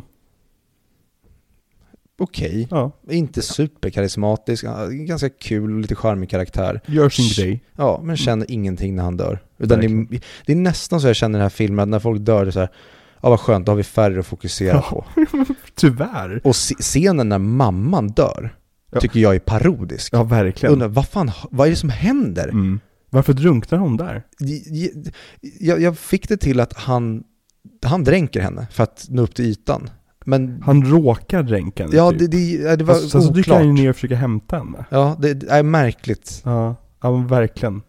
Jag fattar inte varför hon är tvungen att hoppa ner i tunnan också. Nej, hon, har inte, hon gör ju inte det innan väl? Nej, de jagar ju inte henne. Nej, De jagar ju N- Nalla. hon får för sig det. Ah! Ja. Och han bara, vad fan gör du här? Ut! Som de säger i filmen, nu är invånarna, de är ju lite... Mm. Just det. Det är en väldigt kul så här superrasistisk kommentar som, som prästen drar. Att det är ju känt att eh, urinvånarnas mammor, när de har fött barnen, då slu- överger de dem. Mm. så här, för att det trodde man ju på den här tiden. Och jag hade velat ha ännu mer av den Ja. rasismen i filmen. Det är ju det, det är det, därför Nulla story är så jävla in, mer intressant. Mm. För att du har sådana kapa... Du kan dra på dem, i de spakarna. Liksom. Men de gör ju inte det. Nej. Eh, för jag känner igen han som spelar prästen. Nej. Det är The Mouth of Sauron. Jaha. Och även eh, konduktören i eh, Matrix 3. Minns inte Matrix 3. Eller jag minns den för lite. Nej, Men du vet när Neo är fast i en... Neo börjar ju filmen med att vara fast på en tågstation. Så de måste ju hitta konduktören. För att rädda Neo från tågstationen. Det minns inte. Okej. Eh, Det, är rätt- det är typ det enda som är bra med den filmen. Hmm. Ja. Jag minns bara Matrix 4, hur bra den är. Åh. Vi måste köra Matrix, med andra ord. Ja, alltså Wachowskis borde vi ta tag Ja i. just det, de har ju regisserat alla fyra. Ja men precis, då borde de nästan köra alla deras filmer. Mm. För de har inte gjort jättemånga heller. Och de har gjort Speed Racer och Cloud Atlas och liksom, ja nej, de- gör ju sinnessjuka filmer. Mm. Jag tror vi kommer ha jävligt kul med dem. Verkligen. Vi eh, hoppas att de kanske, eller de verkar ju inte, eller Mm, om det de kanske bara var Matrix. Nej, b- b- de har inte gjort det tidigare heller, eller var det här första gången? Nej, det här är första gången de splittras. Nej, okej. Eh, det kanske verkar som att en av dem, jag minns inte vem som vem, om det är Lana eller, eller eh, vad den, den andra hette. Anal. Nej, Nej, det var Lana Backlund. Ehm, Eh, men de, de, de jobbar inte tillsammans, en, en har gått i pension typ. mhm. Så, Ja, Okej, ja, jag tänkte att den andra bara hade integritet och sa att jag vill inte göra den här skiten. Ja, nej. Och tänk dig bara vilket jävla minfält för oss två att sitta och prata om två transkvinnor i två månader. Kan bli väldigt, väldigt kul. Det kan bli väldigt roligt. Mm. Och väldigt många misgendering. Eh, ben Mendelsohn är ju med i den här filmen tydligen. Ja! Hade Vad glad bort. jag blev. Ja, verkligen. Och han är ju så jävla stabil som alltid. Även fast hans karaktär är tråkig som satan så är det så här. Och han är lite för besatt av att inte vilja ge Carney kontraktet. För jag känner så här, anledningen varför militärer har eh, monopolkontrakt med folk, det är ju för att slippa bry sig om sån här skit. Men han är verkligen typ såhär, ja ah, jag vet inte fan ska, det, det finns ju andra kossor. Så, varför? Ja, och jag tänkte, det är bara för att Ben Mendelsohn alltid typ ska vara en, en, ett svin. Så Mm. tänkte jag att han kommer ju vara the big bad boss här. Nej nej. Men han var en jättehärlig, sympatisk herre. Så det där är innan han liksom var med i, i, vad heter den, Florida-serien? Bloodlines. Ja, men Bloodlines är väl efter Dark Knight Rises va? Ja det är det. Han är så obetydlig i Dark Knight Rises. Ja, där var, alltså shit, det är så jävla många bra skådisar. Det finns många bra tankar, Mm. men det är så dålig exekvering i det. Den kommer vi till. Om Mm. ett år ungefär. Vilket är Jajamän. en, en fras jag sagt för många gånger i den här podcasten. Med det här Mm. laget. Men på tal om Ben Mendelsohn och Mm. Australia, har du Mm. sett eh, Animal Kingdom? Jag har inte det. Jag, jag håller på den. Uff. Det är ju Guy Pearce va? Ja, Mm. jävligt bra film. Mm. Nej men jag har hört det. Det är just därför jag liksom sparar på den. Det jag, spar, jag sparar på den tills den randomly dyker upp på någon av streamingtjänsterna jag har. Mm. Liksom som såhär, åh den här finns här nu. Ah, Okej, ja, men jo men jag känner mig sugen på en sån film ikväll. Eh, just för att jag vet att den ska vara bra. Mm. Ja, ruggigt jävla bra. De gjorde ju en tv-serie av det Men den, den rullar fortfarande. Gör den? Ja, jag för mig. Mm. Och den drog till sig någon stor skådis här för mig nyss. Skitsamma. Han är ju även med i eh, The Place Beyond the Pines, där han gör en väldigt mysig och varm karaktär. Jag, jag älskar den filmen. Mm, Jag har bara sett den en gång dock. Min eh, kompis som även var på väg att se The Fountain Mm. såg Place Beyond the Pines. Men han, eh, spoiler alert för, inte, för er som inte har sett Place Beyond the Pines, Mm. men eh, den stora twisten i den, det är ju att, ehm, Ryan vem Gosling, fan är det som regisserar den? Jean France va? Är det Jean France? Jag tror det. Blue Valentine, Place Beyond the Pines. Är det det? Ja, det, ja, just det. Jean-Marc Vallée kanske? Nej, du Jag har helt rätt. Det de är två. Jean France, ja exakt. Jag höll på att blanda ihop det Ja. med Jean-Marc Vallée. Exakt. Ehm, nej, för han ehm, dödar ju Ryan Gosling Mm. efter typ en halvtimme. Mm. Vilket första gången jag såg den gjorde mig så jävla besviken. Mhm. Och sen så fick jag bara hantera det. Och sen såg jag om den. Bradley Cooper är ju huvudkaraktären. Ja, och jag, det var i en period där jag tyckte att Bradley Cooper, du har ingen business att vara i en sån här typ av Ja. tung film. För där var, tyckte jag bara att han var en pretty boy, alltså lite Matthew McConaughey-grejen Mm. som han fick utstå under ett tag. Mm. Att du bottnar inte i det här Mm. och nu har jag blivit tok motbevisad. Och jag vill se om Nightmare Alley. Åh, Det, jag tänker på den väldigt ofta. Och speciellt slutscenen. Jävlar. Alltså, Och jag älskar när man Ge- gör såna vi där... kör Guillermo del Toro någon gång. Ja, Alltså på riktigt. Alltså det, det, nu när han gör en Pinocchio-film också. Som kommer säkert vara skitdålig. det såg inte så bra ut. Nej, det såg inte bra ut alls. Och det värsta är att, jag, eller jag vet inte om det är det värsta, men att Pinocchio ser ju precis ut som i den tecknade versionen. Mm. Vilket, jag, sig, han är ju en docka liksom, men jag tycker de kunde ju uppat den lite. På något sätt. Jag vet. Sen så är också Tom Hanks med, med en gigantisk mustasch. Men vänta. Kommer det två Pinocchio? För är inte det Robert Zemeckis Pinocchio? Jo just det, fan det är det ju. Det är inte alls Guillermo del Toros Pinocchio. Eh, Kommer ens För hans var ju mer, såg nästan ut som lite mer stop motion. Jag tror inte ens Look. jag har sett den trailern. Ah, nu när okej. du säger det. Den är mycket kantigare. Okej. Medan Zemeckis-varianten, den är mer till Disneys Just fan variant. Zemeckis. Varför ska Zemeckis göra sånt? Vad, vad har hänt med Zemeckis? Han skiter i det nu. Nej, han, han upptäckte CGI. Ja men han skiter i det, han är bara så här. Det, det, man märker på honom att han har inget hjärta i det här längre. Ja, han är en trött gubbe som, han brinner inte för det. Och det, det är inte konstigt. Nej. Tappar du en procent bara i din passion så kommer det förmodligen bli en enorm skillnad. Men jag, fan vad jag skulle vilja ha gamla Zemeckis. Ja, nej men alltså Roger Rabbit, Zemeckis, Back Ja. to the Future, Zemeckis, liksom den här innovativa filmskaparen som verkligen ville pusha gränserna till vad en komedi kunde vara och vad barn kan hantera. Jag tycker verkligen det, han, han är briljant. Eller Mm. var briljant. Ja men och i både, kanske inte lika mycket Roger Rabbit, men i Back to the Future-filmerna, Mm. Eh, även i Forrest Gump, får han verkligen till mixen av humor och dramat. Mm. Att vi skrattar väldigt mycket, men vi bryr oss no- enormt. Ja, Så att Baz Luhrmann, du borde kolla på lite Robert Zemeckis filmer och Verkligen. förstå hur man balanserar sånt där. men kolla nu tog han en jävla Sigma mail-beslut där bara. Mm, fuck you då. Drar Ja, jag. Och då precis. ångrar hon sig på en gång. You're the boss, och så Mm. drar han. Exakt. Men ehm, vad ska jag säga med, Mendelssohn. Ja men Zemeckis, Place Beyond the Pines, Bradley Cooper. Place Beyond the Pines. Eh, Guillermo del Toro. Ja, just det, men att eh, Place Beyond the Pines, den, när jag såg om den Mm. och inte lät mig vara helt konsumerad i, för den är typ två och en halv timme, och i två timmar så är Brad, eller Bradley Cooper, är mm, Ryan Gosling inte med.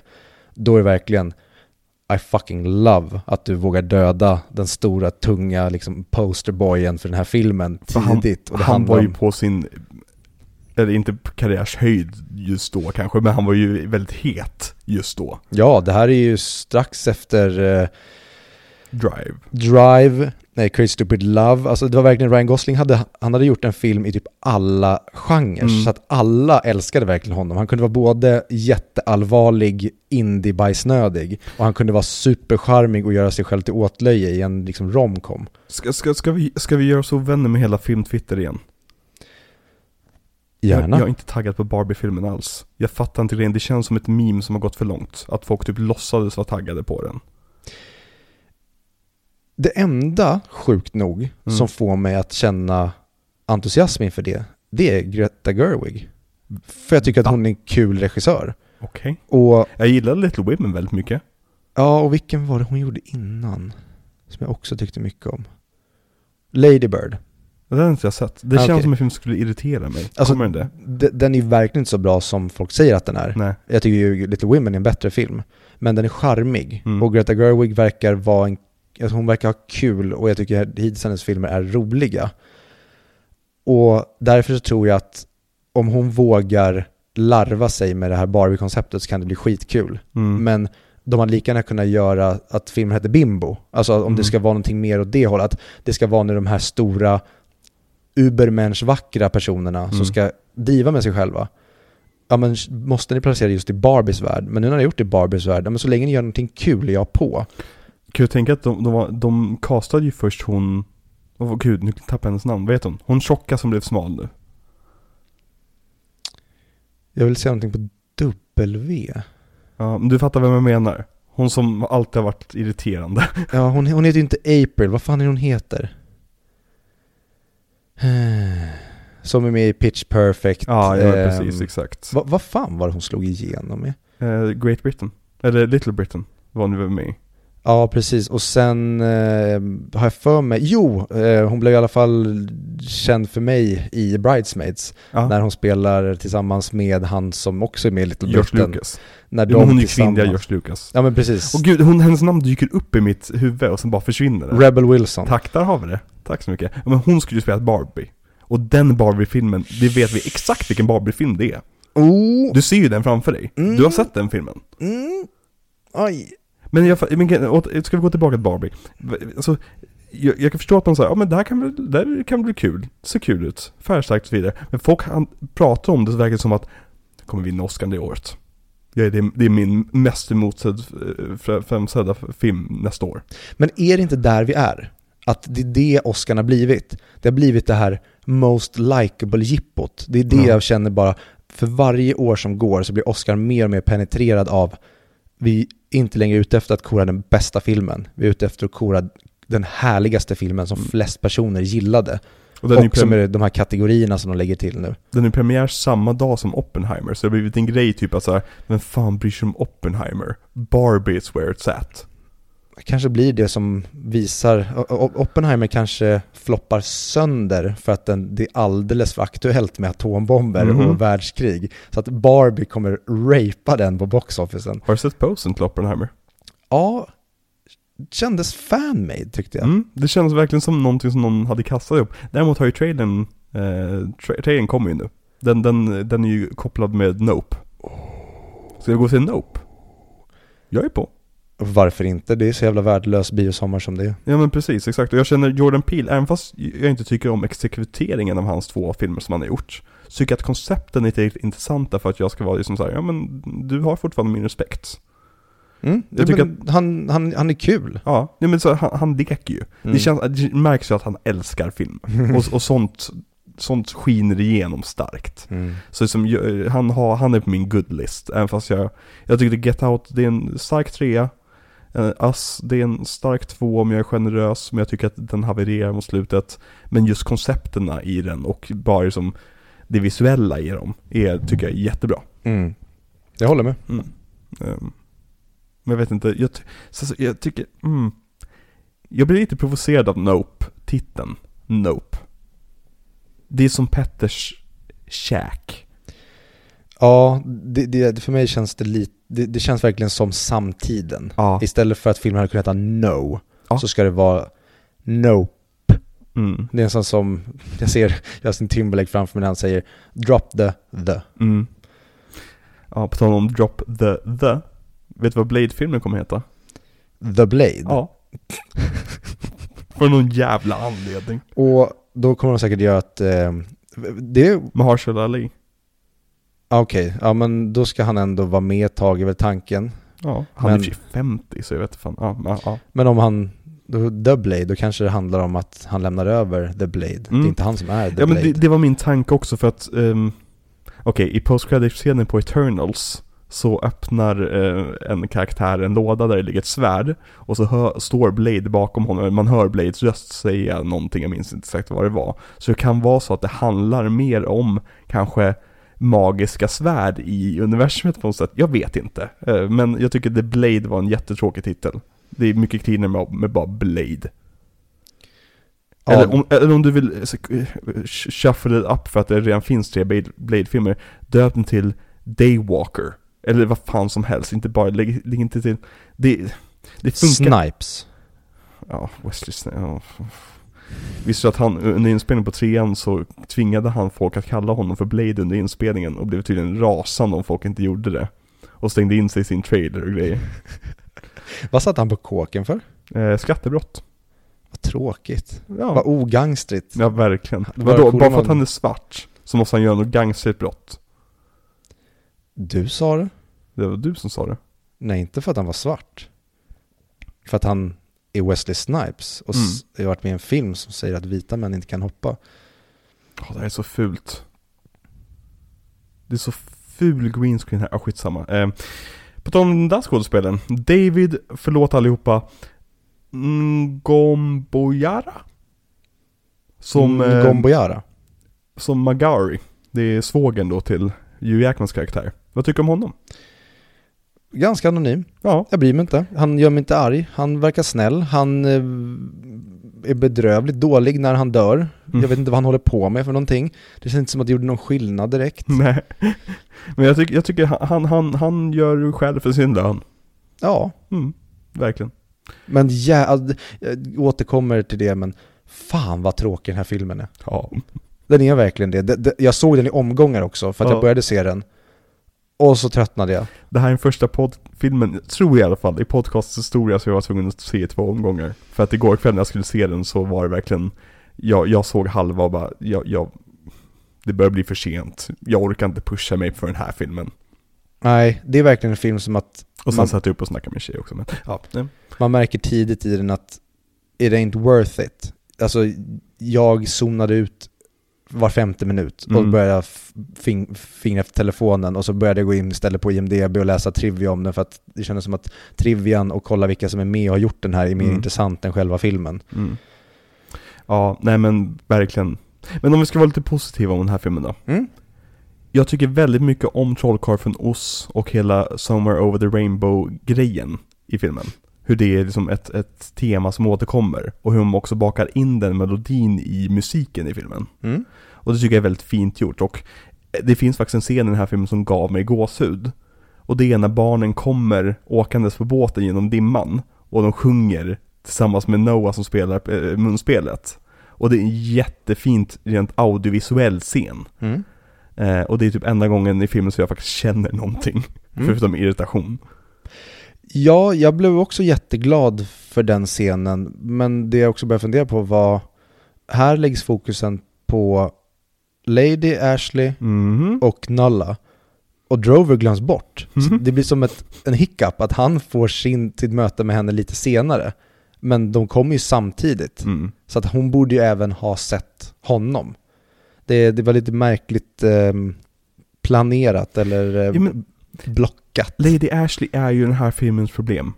I grund och botten. För filmen är tre timmar lång och de hinner inte ens ge henne karaktärsutveckling.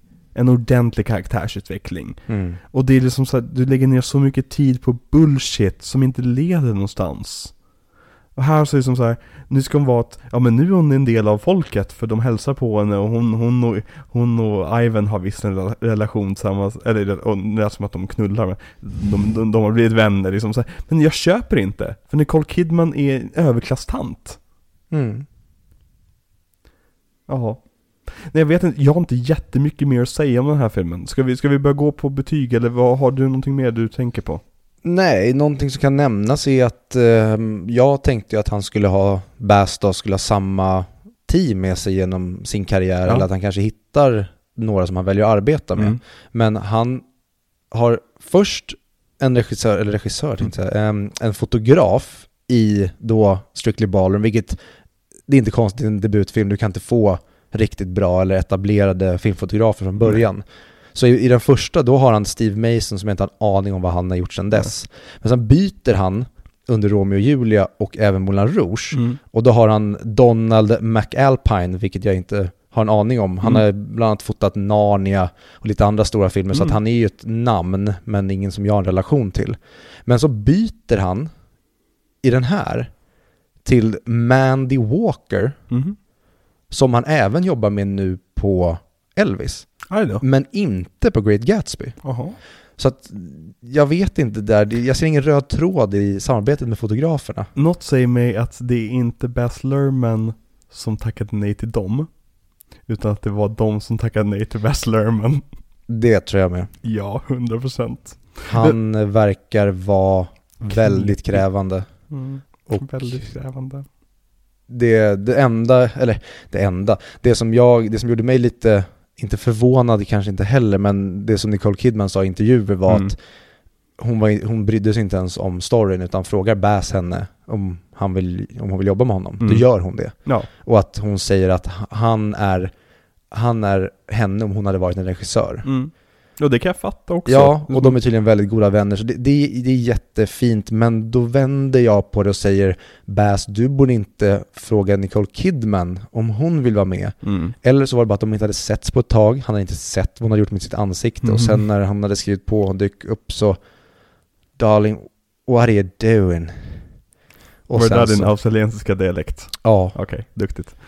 den är... Kör på. Nej, nej, jag kan mycket. Crikey. Det är ju inte en australiensisk dialekt, det är som att säga 'Put the shrimp on the barbie' Ja. Det är ju bara en... That's not north. This is a north. Vi borde se alla Crocodile, D, Crocodile Dundee-filmer. Nej, det borde vi inte. Mottagandet av den här filmen var ju väldigt svalt. Och fast den drog in rätt bra med pengar, om jag minns rätt. Eh, Jag kollade inte upp exakta siffror, men som den, den gick runt liksom. Det var en biosuccé liksom. Men folk så här, vad är det här för något? Nej, det här var inte kul alls. De har typ samma invändningar som vi har med allting.